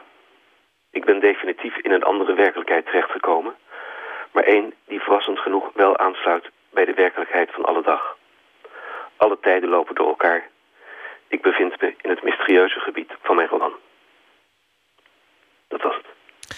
Arie Storm, een diadeem van Douw. Dat is een, ja, je hebt een, ja. een mooie titel. Een, een, mooie alliteratie zit er ook in. Ja. Dat, dat is heel vreemd als je ineens een mail krijgt van, van iemand die er niet meer is. Ja. Nou ja, uh, uh, ik heb natuurlijk niet echt een mail gekregen van iemand die er uh, niet is vandaag. Uh, dat, dat, dat, dat kan niet. maar in zekere zin ook weer wel, want ik, ik ben met die, met die roman bezig. En daarin speelt die, die gaat niet over Joost Wageman, maar er komt wel een vergelijkbaar iemand in die roman voor. En mijn vriendin die, die wist dat ik daarmee bezig was. En die had een oud mailtje in haar bestand gevonden. En dat had ze naar mij doorgestuurd. Maar ik, ik keek niet goed. En ik dacht eerst even dat hij echt van Joost was. Dus ik schrok er een beetje van. En uh, het, was, het, was, ook een mail van Joost, maar een oude mail. dus ik, ik, las die en toen pas zag ik dat, dat zij hem had doorgestuurd. Dus, maar toch, het gevoel was hetzelfde. Alsof je een, een bericht kreeg van, van gene zijde. Ja, ja en, en, en zo'n zin als... Ik heb de bakens nogal verzet, ik heb me afgemeld bij de Wereldrijd Door. Ja, dat zou hij dus nu ook nu kunnen mailen. En, uh, ja, en ik, niet om dramatisch te doen. Het is trouwens wel dramatisch. Ik vind het heel erg als iemand op zo'n jonge leeftijd zelfmoord pleegt. Ehm, maar ik, ken Joost al lang omdat ik met hem gestudeerd heb. en ik het uiteindelijk niet heb zien aankomen, zoals niemand in zijn, uh, in zijn omgeving. En wat, wat het nog wat, wat dramatischer of nog wat verbanter maakt is dat Joost uh, het startschot lijkt te hebben gegeven voor nog talloze, nou talloze, voor enkele anderen die, die zelfmoord gingen plegen vervolgens. Naar jullie eigen Wim om maar iemand te noemen. Ja, inderdaad. Dat, dat, is een, dat kwam hier ook nog als een enorme schok binnen ten, ja. ten burele. Ja, ja. Um, ja, het, het is zo, de, de formulering. Ik heb me afgemeld voor de wereld draait door. Dat, dat, dat, zou, dat, dat zou natuurlijk heel. Als je dat voor het eerst leest en, en iemand is dood en je denkt: hè, wat, wat, wat heeft dit er nou mee te maken? Dat, Ja, dat lijkt me ja. ook ontwrichtend. Ja, nou ja, en ik zit natuurlijk in die roman. Ik, ik vraag me wel af. Ik vind het zo moeilijk eh, te begrijpen iets zelfmoord. Dus ik vraag me af. Het is natuurlijk een ziekte en depressie en je, je leest er veel over. Maar toch weet je niet precies wat er, eh, wat er, eh, wat er nou aan de hand is. En als, als achterblijvers blijf je verbijsterd eh, achter. Hè? Je voelt je ook schuldig of zo op een rare manier. Ehm, dus ik vraag me af. bijvoorbeeld bij Joost, ik vraag me nog steeds af, waarom zou je dat nou gedaan hebben? Of was het nou niet te voorkomen geweest? Of, en dat, dat, dat vraag ik me eigenlijk bij elk geval af. Ja, niet, niet bij elke zelfmoord, want ik ken natuurlijk niet iedereen die zelfmoord pleegt. Eh, gelukkig niet. Ehm, en als je dat dan zo leest, en dat is een oude mail... En hij schreef er echt in, ik heb me afgemeld voor de wereld draait door. En dat heeft hij dus uiteindelijk niet gedaan, hè, want hij is doorgegaan. Ik zeg niet dat hij zelfmoord heeft gepleegd omdat hij door is gegaan bij de wereld draait door. Maar er, zit wel een soort rare twijfel in of zo. Of, eh, Ja, zeker. Ik weet ook niet of je het zo rationeel moet zien. Of je, of je het zozeer moet zien als een, als een rationele beslissing. Of, of dat, er, dat, er, dat er andere dingen nee, zijn. nee. Blijft nee, een worsteling. Ja, ja. Een diadeem van Douw, mooie titel. ja, dankjewel. Arie. Dan, dan, als jij hem goedkeurt, dan... eh, Dan is hij bij deze, staat hij Dan erop. En dan Ja. eh, moet je alleen nog het boek schrijven. Nou, daar ben ik dus al druk mee bezig. Alleen de, de, de titel en de flaptekst, dat zijn altijd de moeilijkste zaken. En de auteursfoto, niet te vergeten. Ja, oh, dat is verschrikkelijk, maar goed. Arie, dankjewel. Goeienacht en, en morgen krijgen we weer een verhaal. Goeienacht. Oké, tot ziens, of tot horens. Haley eh, Bonar gaan we naar luisteren. Een zangeres die al jaren aan de weg timmert. Ze bracht al een tiental platen uit. Ze heeft een nieuwe titel toegevoegd aan die lijst. Impossible Dream heet het album. En het stuk heet I Can Change.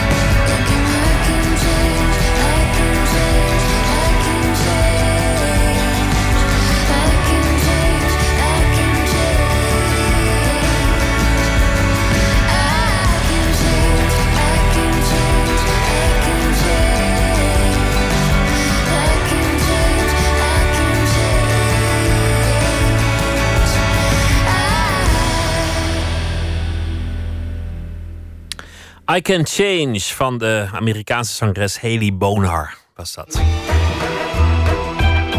Nooit meer slapen. Of je nou wil of niet, en of je het nou bewust doet of onbewust, en of je het nou met of zonder toestemming doet, elke dag geef je informatie weg over jezelf. De reizende installatie We Are Data Mirror Room laat bezoekers ervaren hoe het is om data te zijn. En het stelt ook de vraag hoeveel informatie je eigenlijk over jezelf zou moeten willen delen. Verslaggever Emmy Colau test die Mirror Room en probeert zich uit alle macht niet bloot te geven.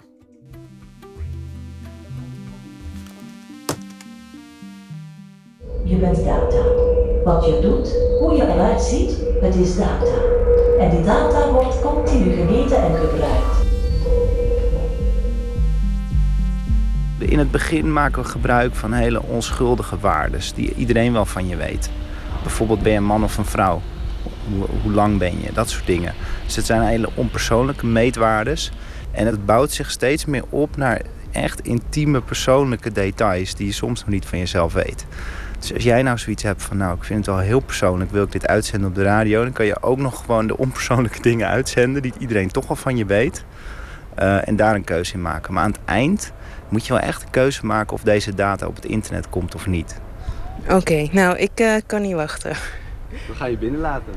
Ik ga hier zo deze spiegelende container in en dan kom ik eruit. Over, hoe, hoe lang duurt het? Doe ongeveer vijf minuten. En dan over vijf minuten weten jullie alles van mij. Nou, in ieder geval best wel wat. En je weet ook eh, meer over jezelf. Ja. Dat is ook leuk. Ik de deur voor je openhouden? Oké, ja, dus ik ga alleen naar binnen. Je gaat alleen naar binnen. Je komt in een, in een spiegelende ruimte. Eh, je mag je gewoon vrij bewegen. Je kunt overal naar kijken. Er zullen dingen om je heen gebeuren. Daar kun je naar kijken. De deur blijft altijd open. Dus je kunt ook weggaan als je, geen, als je het niet meer aandurft. Het gaat wel dicht, de deur. Maar hij is niet op slot. Dus je kan altijd... hij blijft niet open. De We Are Data Mirror Room is een spiegelende container vol apparatuur, sensoren en computers. Op dit moment staat hij op het festivalterrein van Fab City in Amsterdam. Ik typ mijn naam in op een beeldschermpje op de deur en loop naar binnen. Buiten gebeurt van alles op het festivalterrein, maar hier binnen ben ik opeens heel erg alleen. In een kleine, lege, donkere ruimte. Het licht vloept aan en ik zie mezelf overal, want de wanden spiegelen. En dan begint een stem tegen me te praten en verschijnen er projecties op de wanden.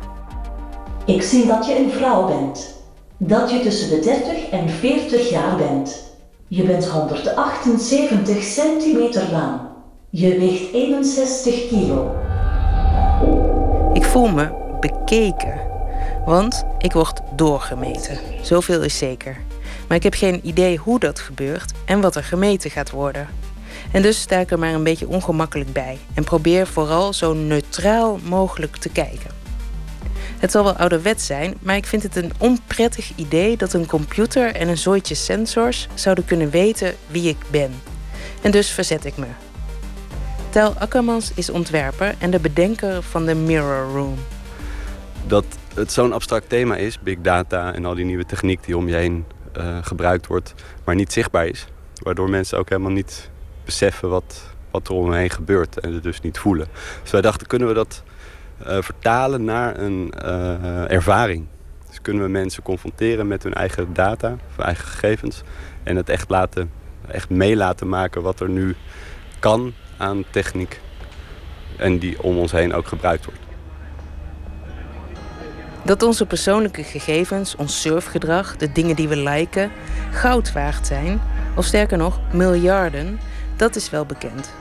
We delen die data min of meer bewust door gebruik te maken van social media, mail, Google, YouTube, onze mobiele telefoon, onze creditcard, OV-chipkaart, etc. etc. We geven er meestal ook nog toestemming voor door op zo'n I agree-toets te drukken. Maar er is een nieuwe trend. Computers die op afstand emoties en misschien nog wel veel meer kunnen aflezen. Toen we begonnen zaten we nog meer op big data. En eigenlijk zijn we gaandeweg het proces zijn we meer naar persoonlijke data gegaan. En dan specifiek naar emotionele data. Dus eh, kunnen we emoties lezen van mensen. We begonnen twee jaar geleden dus en die techniek gaat natuurlijk heel erg snel. En je ziet ook dat de afgelopen eh, jaar, zeg maar, ook Apple en Google en Microsoft allemaal op die emotiedetectie zijn gedoken als, als the next thing. Thierry Kostelijk heeft kunstmatige intelligentie gestudeerd en werkt bij Vicar Vision. Bij dat bedrijf werken softwareontwikkelaars samen met psychologen aan programma's die de computer bij wijze van spreken helpt te kijken zoals een mens dat doet. Een van de belangrijkste softwarepakketten die we hebben gemaakt heet FaceReader. Nou, FaceReader is helemaal toegepast op emoties. Dus eh, als iemand blij kijkt, kan de camera dat zien. Als hij bedroefd kijkt, verrast, bang, dat soort dingen kunnen we vanuit de gezichtexpressies aflezen vanuit de camera.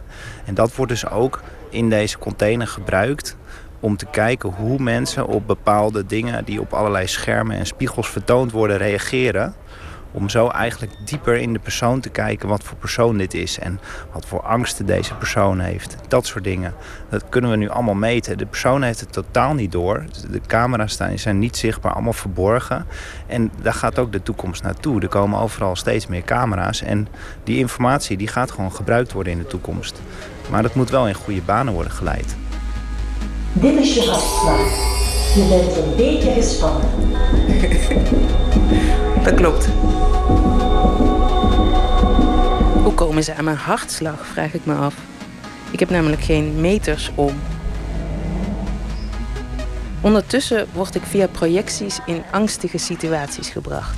Ik verdrink bijna, beland in een auto-ongeluk en word bedreigd. Wat gaan ze op deze manier van me te weten komen? Mijn trauma's, mijn angsten? Akkermans en Kostelijk zijn zelf niet zo bang om data te delen.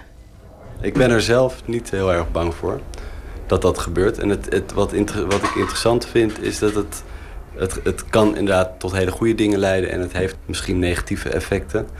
Alleen wat belangrijk is, en dat proberen we natuurlijk ook te veroorzaken met deze installatie, is dat je er bewust van wordt en dat je erover na kunt denken en dat je er met mensen over kunt praten en dat de politiek er iets over gaat zeggen. En, en, en dat proberen we hier nu een beetje aan te jagen door, door dit zo confronterend neer te zetten. En ook Maar in hoeverre bescherm jij je eigen privacy? Heb je bijvoorbeeld op je telefoon aanstaan dat eh, Google weet waar je bent en dat dat geregistreerd wordt? Ik heb alles aanstaan. Ja. Wat volgens mij een gegeven is dat het, die ontwikkelingen blijven gaan. Het, je kan, dit- hiervan kun je nog zeggen van nou, ik zet mijn locatievoorzieningen uit op mijn telefoon. Dat kun je nou bewust doen. Maar de technieken die wij gebruiken tonen aan dat het ook niet meer kan. Zeg maar. Dus dit, eigenlijk alles wat wij doen is zonder techniek die je aan op hoeft, niet hoeft te dragen. Maar gewoon buiten jou zijn en toch heel veel informatie van jou winnen. winnen. En wij, eh, terwijl met je telefoon kan je daar nog net wel een keuze in maken. En ik vertrouw er dan maar op dat het, eh, dat het wel goed komt. Dat het wel goed komt. Heb jij dat ook? Ik sta er net wat pessimistischer in. Ik hebben wel alle, alle dingen aanstaan op mijn telefoon. Dat ik gewoon gaaf vind wat het brengt. Een app kan bijvoorbeeld veel gaver zijn als je weet waar je is. En dan maakt het me niet zoveel uit dat Google dat toevallig weet. Maar ik heb laatst Google Fit geïnstalleerd en die weet nu precies hoe sportief ik ben. En wie weet wordt dat in de toekomst verkocht aan een eh, zorgverzekeraar of aan een werkgever die het liefst toch gezonde mensen in dienst heeft. Om, eh, die een beetje bewegen, omdat die nou eenmaal eh, productiever zijn. Dus ik ben wel echt bewust aan het worden van al die data, wat gaat ermee, wat gaat ermee gebeuren? En waar ik, ik ben voor mezelf niet zo bang, maar ik ben wel voor de maatschappij bang dat eh, mensen zich minder vrij voelen. Dit ben jij. Je ziet er goed uit. Of vind je van niet? Zou je er liever zo uit willen zien? Afgelopen week beschreef de Volkskrant een systeem dat in China in 2020 ingevoerd moet gaan worden. De overheid bouwt aan de sociale kredietwaarde. Een puntensysteem dat behalve financiële betrouwbaarheid ook ideologisch correct denken en moraal meeneemt in een persoonlijke score. Ik vergelijk altijd met eh, de uitvinding van de bijl. Daar kan je hout mee hakken om, eh, om ervoor te zorgen dat je niet doodvriest of om lekker warm eh, te blijven. Of je kan iemand zijn kop mee afhakken. Maar is het dan schuld van de, van de uitvinding van de bijl dat iemand zijn kop is afgehakt? Of van de persoon die de bijl in zijn handen had? Het is een beetje een moralistische vraag, maar ik stel hem toch. ligt Tjerk Kostelijk eigenlijk wel eens wakker van zijn eigen werk? Ja, maar dat is meer omdat er dan iets niet werkt. omdat ik een bug aan het, uh, aan het fixen ben. Nee, ik, ik lig er niet wakker van. Uh, we zijn eigenlijk niet de enige die bezig zijn. We zijn maar een bedrijfje met 15 man. Facereader en Google uh, zijn met tienduizenden mensen op dit onderwerp bezig. Dus het is ook niet zo van, als wij er nu mee stoppen, dan is de hele wereld gered. Aan ons doel is om gewoon voor te zorgen dat de features van onze software gemaakt zijn om het voor goede doelen in te zetten. Dit is het profiel dat vanaf nu van jou bestaat. Ik zou graag je profiel naar buiten willen brengen en het publiceren op internet. Als je je profiel toch wilt wissen, kijk dan naar WIS. Wil je het naar buiten brengen, kijk dan naar publiceer. De computer geeft mij een modellenpostuur. Wat natuurlijk wel leuk is, maar in werkelijkheid helaas niet zo is. Mijn hakken hebben de computer misleid en ik ben op de een of andere manier niet goed gewogen. Het stelt me gerust dat computers nog lang niet feilloos zijn. Of is dat eigenlijk ook helemaal niet prettig? Want wat als computers foutjes gaan maken? De stem in de mirror room vertelt ook iets over hoe ik ben. Over hoe ik oordeel. Het is iets waar, als het tenminste waar is, ik totaal niet trots op zou zijn. Ga ik dat met u delen? Hmm, nee. En al helemaal niet met het hele wijde web. Jammer dat je je profiel hebt gewist. En nu maar hopen dat de makers van We Are Data dat dan ook echt doen. Want dat weet je natuurlijk nooit.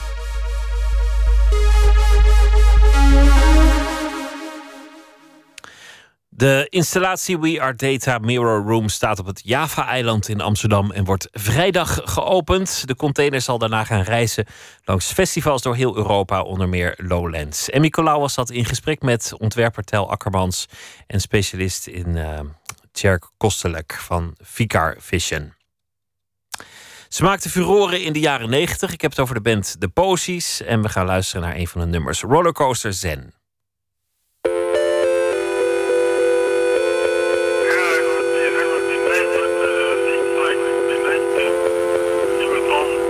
Beautiful friend, when I see you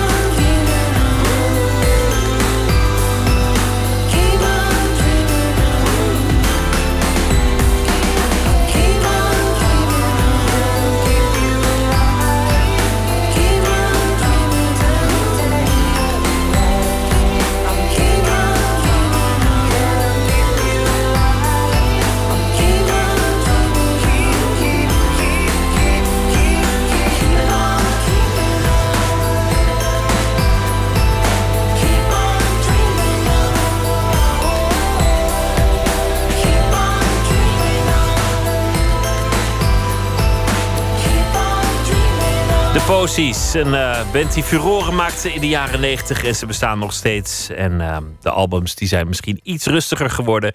Maar dit kwam van het album Solid States Rollercoaster Zen.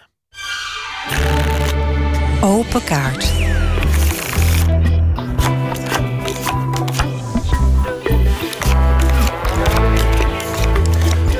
Een bak vol met kaarten, 150 stuks. En mijn gast vandaag is Hans Saabdivani.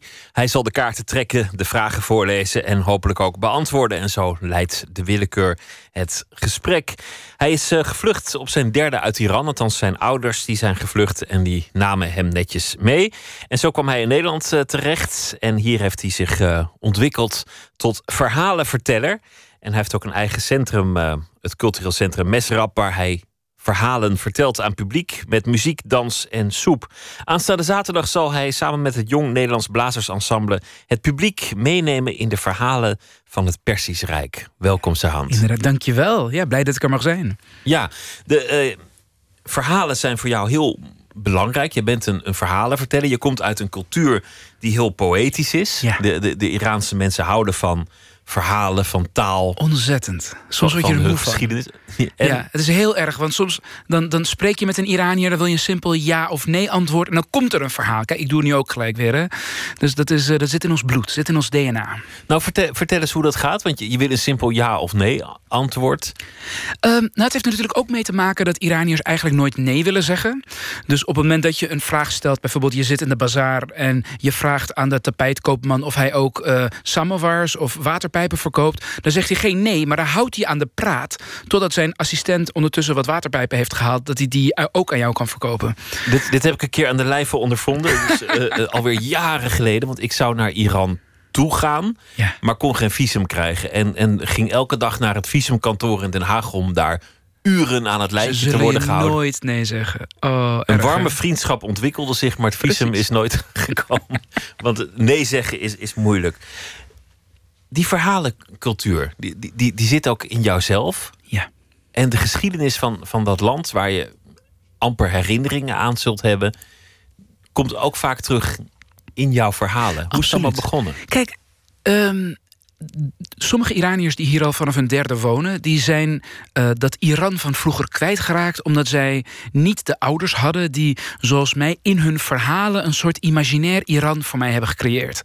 Um, ik kan me geen nacht herinneren dat mijn vader mij niet vertelde over hoe hij bijvoorbeeld in zijn tienerjaren de bergen introk. Gewoon met zijn vrienden, omdat dat is wat je deed. Zoals ik in het weekend met mijn vrienden naar de, naar de bioscoop ging. Of dat mijn moeder vertelde hoe zij verliefd werd op de communistische jongen aan de overkant wat een groot probleem was. Want uh, zij komt uit een orthodox religieuze familie en je ging niet om met communisten. En hoe zij haar stem gebruikte, haar liederen om hem te verleiden. En nou ja, daar ben ik heel blij mee, want het is dus mijn vader. Daar, daar is ze nog steeds mee getrouwd. Dus elke nacht werd weer een stukje Iran voor mij gecreëerd. En dat Iran voor mij, dat is een prachtige plek. Dat is ook een enge plek. Dat is een rare plek. Dat lijkt heel erg op het Iran dat wij hebben verlaten. Maar dat is het natuurlijk niet. Want het is toch een soort rare, magisch realistische van het daadwerkelijke land. Het land dat is achtergelaten is in sommige opzichten mooier geworden, in andere opzichten gruwelijker geworden. Absoluut. Maar het lijkt waarschijnlijk in niks op, op, het, op het ware Precies. land. Het is net een, alsof er een soort rare filter overheen zit. Ja. Hoe ben jij verhalenverteller geworden als beroep? Ja, kijk, mijn, mijn vader is een ongelooflijk goede verteller. Um, ik ken professionele vertellers die jaloers zijn op zijn talent. Maar hij was gewoon boekhouder in Iran. Want ja, je wordt daar niet kunstenaar, want dat, dat is gewoon uh, honger lijden. Um, maar toen ik veertien was, toen um, was er een Nederlandse regisseuse, Anne van Delft. Een dame die in Amsterdam woont, maar uit Brabant komt. Waar ook dat Bourgondische, dat vertellen, dat samen met z'n allen grote families in een kamer zitten, veel eten, uitbuiken.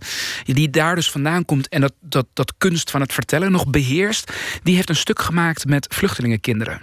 Ik was toen 14 en voor het eerst dacht ik: hé, hey, wat wij thuis doen, gewoon in de woonkamer of in de keuken, daar betalen mensen een, een, een kaartje voor om naar jou te luisteren. Dat is toch zot? Dat is raar. En je krijgt ook nog eens applaus. Gewoon omdat je vertelt over waar je vandaan komt en wat je hebt meegemaakt. En ja, natuurlijk gooi ik er wat sprookjes en mythen en zagen in. Maar dat daar gewoon publiek voor is, dat, dat, dat was door haar dat mijn ogen daarvoor zijn geopend.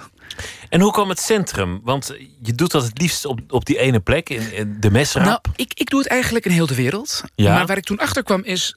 mijn ogen waren geopend voor het verhalen vertellen. Ik besloot toen, ik word verhalenverteller. Maar er waren helemaal geen plekken echt voor mensen om verhalen te vertellen. En nee, ik ben heel koppig, ik ben heel eigenwijs. Ik heb gewoon zelf een, een plekje geopend met mijn ouders op 30 vierkante meter.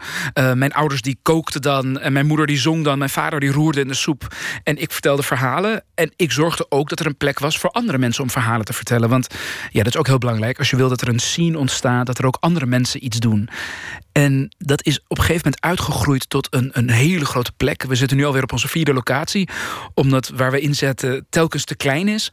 Maar zelf ondertussen treed ik eigenlijk internationaal op. Volgende week eh, sta ik in een festival in Zwitserland... in een botanische tuin te vertellen. En daarna ergens op het platteland in Groot-Brittannië. Dus zelf eh, vlieg ik de wereld rond ondertussen met mijn verhalen. Laten we beginnen met eh, de kaarten. Yes. En kijken wat dat eh, losmaakt. Ik, ik wil je vragen er één te trekken. Gewoon eentje, lukraak. Shuffleplay, ga je Oké. gang. Wanneer is het idee voor dit werk geboren? Ja.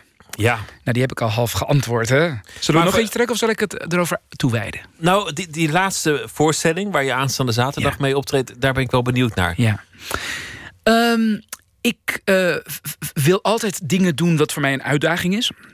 En ik heb op een gegeven moment eh, eh, het grote vertrouwen gekregen van Podium Mozaïek. Dat is een prachtig theater. Om een aantal keer per jaar een avond helemaal te vullen naar eigen inzicht. Ik mag totaal zelf bedenken wat ik doe. En ik nodig dan muzikanten uit om dan één avond lang mijn verhalen, dan vertel ik soms anderhalf uur, eh, mij te begeleiden, muzikaal. Normaal doe ik dat met jazzmuzikanten of wereldmuzikanten. want die kunnen dat een beetje geïmproviseerd dat doen. Ik dacht, ik ga het nu heel moeilijk voor mezelf maken. Ik neem tien muzici die ook nog eens klassiek geschoold zijn. Dat betekent dat ze virtuoos zijn, maar totaal geen idee hebben hoe je al aan een provist een, een, een verteller begeleidt. Ze hebben partituren nodig. Ja, precies, precies. Dus ik heb nu zelfs twee keer met ze mogen repeteren, wat voor mij heel veel is en voor hun veel te weinig. Ehm, maar er staat iets en ik vind dat spannend. En dat gaan wij zaterdag ten gehore brengen. Ehm, allemaal verhalen uit, uit Iran, uit Perzië, uit de, de, de, de Soefi-poëzietraditie. En dingen die mijn ouders hebben meegemaakt. Met dan die tien klassieke muzici erbij. Dat is echt eh, ja, machtig mooi. Trek nog een kaart. De volgende. Oké, yes. Wie was je eerste liefde? Oh. Nou, de eerste vrouw, de eerste meisje waar ik, het eerste meisje waar ik verliefd op ben geworden, dat is Roos. En Roos was 12 en ik was ook 12. En eh, ik was de enige in de klas die niet kon schaatsen. En ik weet niet hoe zij erachter kwam dat ik haar leuk vond. Want ik had het echt alleen maar mijn beste vriend verteld. En die zou het toch nooit verder vertellen. Uh, maar wij stonden toen op de schaatsbaan, op de Jaap Edebaan. En Roos die zei tegen mij... Uh, Sahand, als het jou lukt om naar mij toe te schaatsen... dan krijg je van mij een zoen. En ik was op mijn twaalfde nog nooit gezoend. En het was de vrouw van mijn leven. En ik schaatste en ik ben toen op mijn bek gegaan. Maar ik stond weer op en ik schaatste en ik ben toen weer gevallen. En nou ja, ik ben drie keer gevallen. Ik heb haar nooit bereikt. Het was maar tien lullige meters. Maar het schaatsen zit niet in mijn genen. En mijn eerste liefde, Roos, heb ik dus helaas nooit gezoend. Een echt onbereikbare liefde ja. was het, kortom. En schaatsen is natuurlijk ook eigenlijk een verschrikkelijke gewoonte. Met, niet met voor een ijs. Iranier weggelegd. Nee, nee, nee. nee, nee. Trek nog een kaart. Nog een kaart, oké. Okay. Yes. Ben jij vatbaar voor verslavingen? Oei. Uh, nou.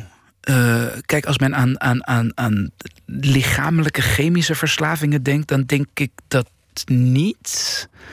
Maar als ik heel eerlijk ben, denk ik dat uh, het optreden dat dat een soort verslaving is. Er ik, gebeurt natuurlijk ook van alles in je lijf. Ja, ik, ik, ik, ik, ik wou net zeggen, ik denk echt dat je een keer iemand die op het podium staat, dat je die aan een MRI-apparaat of aan een, aan een soort gewoon wetenschappers naar zijn hersenen moet laten kijken. Gewoon wat er aan hormonen loskomt. Wat er gebeurt op het moment dat er 100, 200, 300 man naar jou kijken. En als één persoon lachen om jouw grappen of stil zijn en ontroerd zijn om jouw verstilde momenten. Ik vind dat echt verslavend. Als het lukt, want, want het is natuurlijk op het moment dat jij opkomt ja. en alles giert in jouw lijf, dan, ja. dan zitten die mensen welwillend, anders zaten ze er niet, dat maar toch een beetje achterover geleund ja. of nog uit de buiken van het eten dat ze net hebben gehad. Ja. Je moet ze voor, voor je ja, maar winnen. hallo, ik, ik, doe je dit al, ik doe dit al een aantal jaar. En ik ben al helemaal ingesteld op die uitbuikende mensen. Ik, eh, ik weet absoluut hoe ik... Maar heb het is je- een soort flirten wat je met ze doet. Dat, Heb je dat- die ik wel. zekerheid van, oh ja, dit kan ik, dit, dit lukt me, ik, ik, ik pak ze in? Absoluut. Als ik, als ik met één persoon een, een date heb, vind ik dat duizend keer zo eng als gewoon eh, een, een publiek van 300 man. Dat is voor mij een spelen in eigen stadion. Ja. Een stadion noem je het. Ja. dat is het wel een beetje. Ja, het is, het is heel gek. Ik, ik, ik kan alleen maar over het verhalen vertellen denken in termen van flirten en sport. Het is bijna geen. ehm, ja, ook omdat in, in sport zit ook dat, dat, dat onzekere van de uitkomst. Je, je, je weet waar je naartoe wil. Je weet dat het doel is. Hè, de, de, gewoon met zoveel mogelijk punten winnen. Maar dat haal je niet altijd. En soms is het wat spannender. Ehm, die onzekerheid, dat, dat maakt het leuk. En met flirt is het hetzelfde. Je kan iemand leuk vinden, maar je weet niet wat die persoon van jou wil. En of die jou ook leuk vindt. En dan komt er een soort spel van, van aantrekking en afstoting. En niet te snel en niet te veel. En ook weer niet te weinig. En dat is eigenlijk wat, wat vertellen is. Dat is, dat is machtig mooi. Dat is super verslavend. Laten we nog een kaart Nog een eh, kaart. Oké. proberen. Welke rol had je als kind in het gezin? Nou, mijn rol als kind is eentje die een hele hoop migrantenkinderen eh, wel zullen herkennen. Ik ben tot mijn tiende enigst kind geweest. Ehm, en ik kan me nog heel goed herinneren dat ik op mijn tiende bijvoorbeeld thuis de belastingbrieven opende. Want En- jij was meer, meer thuis al in het nieuwe land dan je, dan je ouders. Ja, absoluut. Absoluut. Je, je, wanneer je hier vanaf je derde woont, dan spreek je op je tiende beter Nederlands dan je ouders. Ehm, dus je wordt heel vroeg wijs. Je wordt echt een soort tweede vader in dat familie. Ik had al een vader en dat is een hele goede vader. Maar alsnog ehm, gebeurt er iets heel raars met de, de, de krachtenbalansen in de familie. En ik heb dus echt op mijn twintigste pas geleerd wat het is om kind te zijn. En ik ben nu, denk ik, veel speelser dan iemand anders van mijn leeftijd. En dat heeft er ook wel een beetje mee te maken, denk ik, dat ik mijn kindertijd heb moeten inhalen. Omdat je toen verantwoordelijkheden had Ja. en snel, sn- snel moest opgroeien. Ja, en ook vooral dat je, die, dat je jezelf die verantwoordelijkheden geeft. Kijk, je, je, je, je groeit natuurlijk op met de verhalen van waarom je je land bent ontvlucht. Je hoort natuurlijk dat je ouders het hebben overleefd, maar dat er familieleden zijn die dat niet hebben overleefd. Of vrienden van je ouders die dat niet hebben overleefd. Want het was 79, de revolutie. Het, nieuwe regime kwam eraan. Jouw Ja. ouders die waren eh, bekend als atheïsten. Zij of- waren atheïstische verzetstrijders. Mijn, En- mijn en- vader heeft in de gevangenis gezeten, jarenlang. Nog in het vorige regime. Mijn moeder heeft in de gevangenis gezeten. De oorlog brak uit in 1980 tussen Iran en Irak. Die afschuwelijke oorlog. En nou ja, in 1983 was het gewoon te veel. Gewoon alles bij elkaar. En het werd maar niet beter. Het werd alleen maar erger. Het werd alleen maar slechter. Dus toen was die beslissing snel genomen. Wij gaan er vandoor. En als kind. Kijk, het, ik heb, en ik heb absoluut niet ouders die dat allemaal maar op mijn schouders hebben geplaatst. Maar toch voel je dat. En daar word je heel, heel ja, een beetje vroeg wijs van. En die, en die twee landen, want het is de tragiek van Iran dat, dat eigenlijk zo'n beetje iedereen met, en ik chargeer opzettelijk, zo'n beetje iedereen met hersens en benen weg is gegaan. Ja. Ja. Dat land speelt een enorme rol in, jou, in jouw leven, in Oh, jouw, jouw opgroeien, maar Ja. je bent er amper ooit geweest. Ja. En dan heb je Nederland, gewoon het land waar, waar je thuis bent, Ja. waar je de weg weet. Ja, ik ben ook ontzettend Nederlands hoor. Ik denk dat als ik mezelf vergelijk met mijn Nederlandse vrienden, dat ik, eh, dat ik, ik, ik voel me hier absoluut thuis. Ehm, en je hebt het allebei. Je hebt een soort rare eh dubbel identiteit in jezelf. Ehm, Een land van polders en een land van bergen. ja, ja, absoluut, absoluut. En dat dan in één ziel verenigd. Ik heb nooit geweten hoe erg dat bij mij in één persoon zat. Totdat ik eh, eh, een date had met een Iraanse vrouw. En ik had altijd gedacht, ik zal nooit met een Iraanse vrouw eindigen. Ehm, maar ik kwam bij haar thuis. En dit is een vrouw die nog maar vijf jaar in Nederland woonde. En toen ik de deur opendeed, toen hoorde ik Ramses Shaffi. Dat had ze opstaan. En het eten wat zij voor mij had gemaakt was traditionele zuurkool met worst. En ik dacht, met haar kan ik trouwen. Want zij is Iraans, dat Iraanse, dat snapt ze. Ze heeft daar de eerste 19 jaar van haar leven gewoond. Maar ze luistert naar Ramses Shaffi en ze eet zuurkool met worst. Dit is het. En het is gelukt. Mm, We hebben vijf, zes mooie jaren gehad. Nou ja, Ja. dat is gelukt. Ja. En, en, en toch weer anders En gelopen. toch weer anders geloven, ja precies. En uiteindelijk wordt alles een verhaal natuurlijk. Tuurlijk. Zaterdag is de voorstelling te zien samen met het Jong Nederlands Blazersensemble op podium Mozaïek in Amsterdam. Sahan Sabdivani, dank je wel. Yes, jij ook bedankt. Zijn vader was een eh, gitarist en producer die met tal van grote artiesten samenwerkte. Zoon Luther Dickinson startte als vanzelf een band, de North Mississippi All Stars. Maar hij maakte ook platen met anderen. The Black Crows met John Hyatt en Willie DeVille bijvoorbeeld. Een soloalbum is ook vorig jaar eh, verschenen, of begin dit jaar eigenlijk. En daarop vonden we dit stuk, And It Hurts.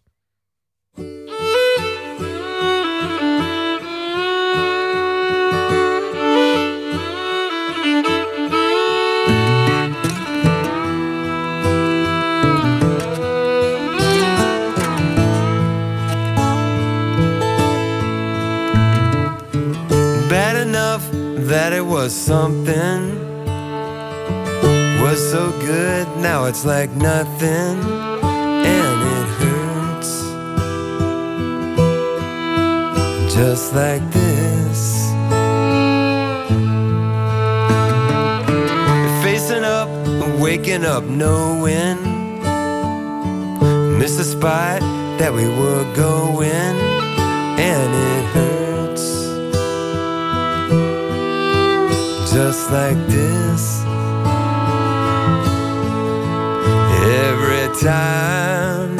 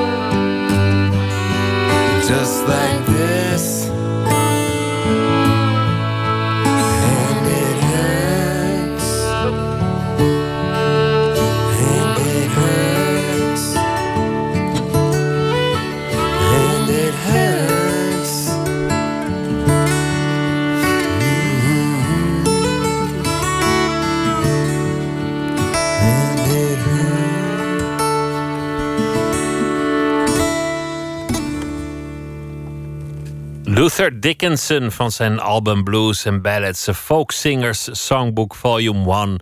Het nummer And It Hurts. Nooit meer slapen.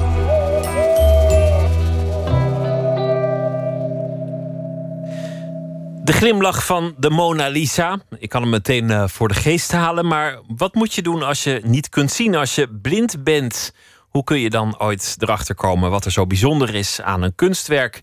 Kun je kunst bijvoorbeeld voelen. Nou, daar is iets eh, voor bedacht. En onze nachtcorrespondent Karen van Dijk weet er inmiddels zo'n beetje alles van. Welkom. Dankjewel.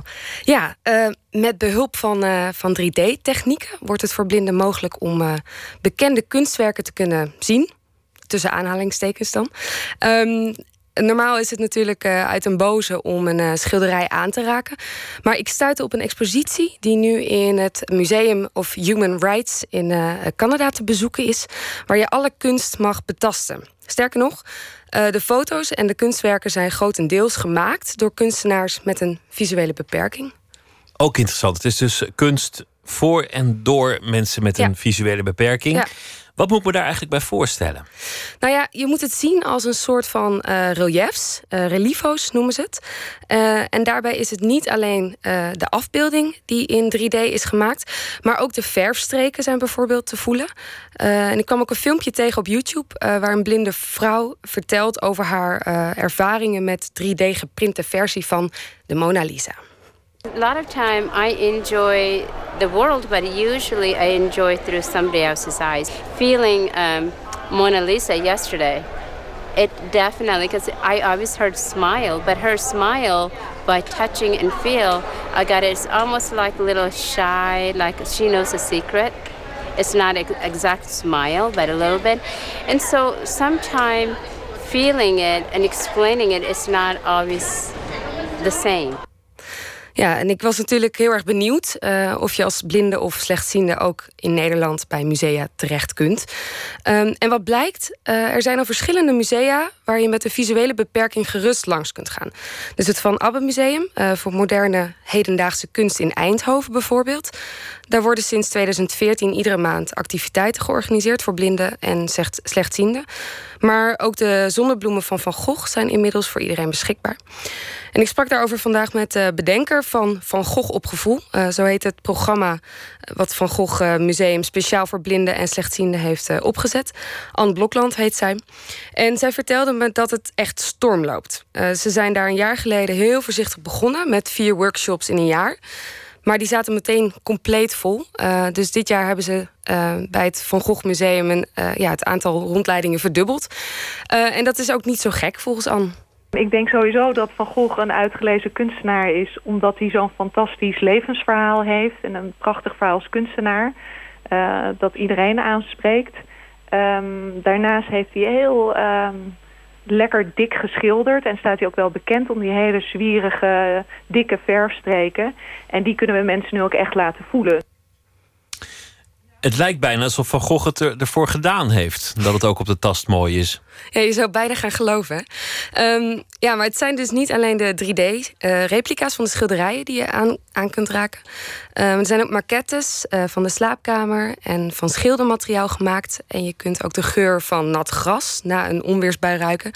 En luisteren naar de eigen woorden van Van Gogh. Als je het moet beschrijven, een schilderij, in hoeverre is het dan anders als je dat doet tegenover iemand die blind is dan tegenover een ziend persoon? Ja, dat is degelijk anders. Um, er zijn echt speciaal mensen opgeleid om die rondleidingen te kunnen geven in Van Gogh.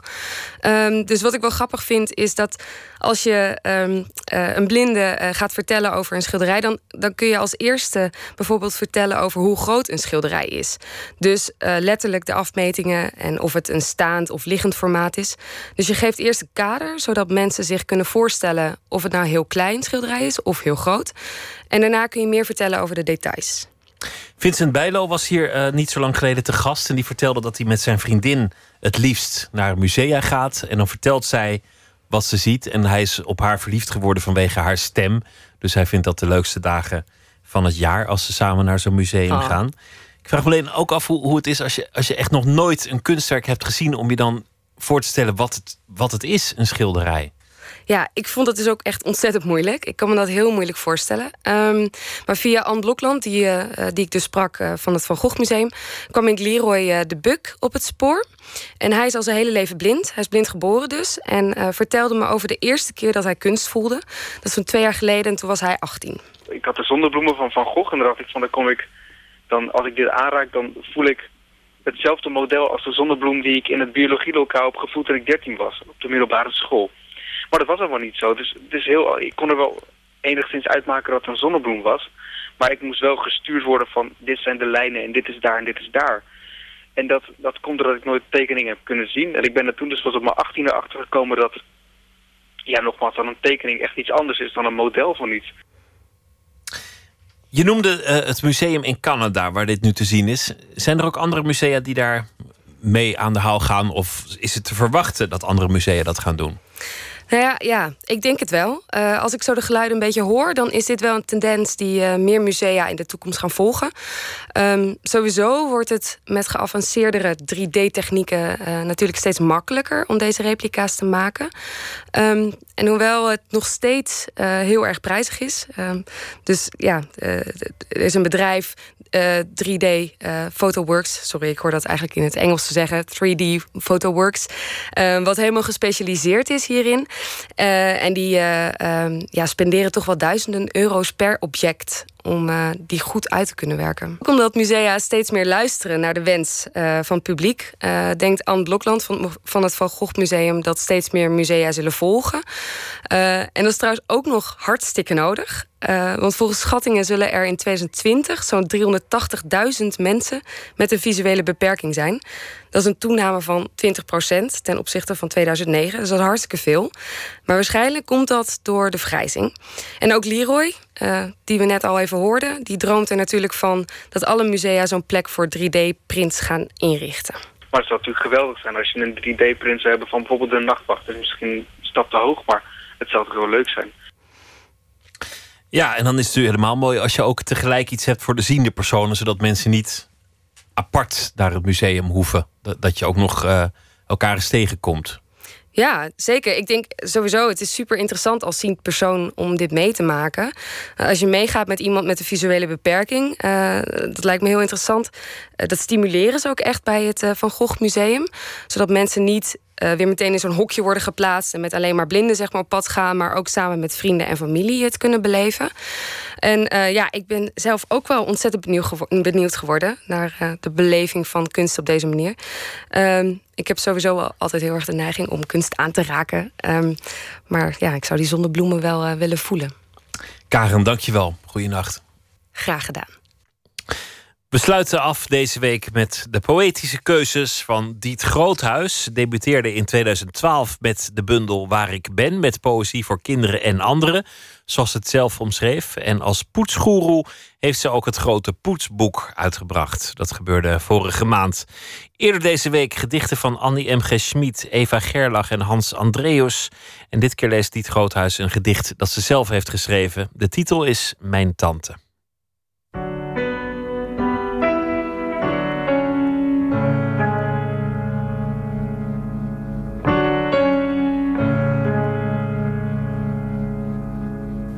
Het gedicht Mijn Tante staat in mijn bundel met jeugdpoëzie, waar ik ben. Iedereen heeft rolmodellen nodig. Dit gedicht is een ode aan sterke vrouwen, zoals mijn moeder en tantes, die me lieten zien en hebben geleerd hoe je vrouw mag, moet en kunt zijn. Mijn tante. Ik heb een oerstoere tante, sterk als een gietijzeren pot, met pootjes eronder, eikenhout erin. Ze tilt als een vorstin je met één klap op tafel. Slaat je neus eraf. Pat, kaal tot op het bot, hè? Alleen maar als het moet. Ze kan het allerzwaarste dragen. Zakken vol reuzen, regenwolken, klaagliedjes, de moeilijkste vragen. Met haar handen, zacht als lieve heersbeestjes... zo klein had je niet gedacht zeker... scheurt ze kapot wat je niet kunt verdragen... Slechte cijfers, heet meel, kriebelkousen, spruitjes stampot, nare dromen, zere keel. Het liefst vouwt ze lakens, schoon en recht in plooitjes, strak op stapels. Ze is gewoon haar eigen soort van vrouwengod. Mijn tante, een gedicht van Diet Groothuis door haarzelf gelezen. Morgen zal ze weer een gedicht uitkiezen en voordragen in Nooit meer slapen. Dan zit hier Esther Naomi Parkin en die gaat in gesprek met Hanne Hagenaars. Zij was initiatiefneemster en hoofdredacteur van het tijdschrift Mr. Motley.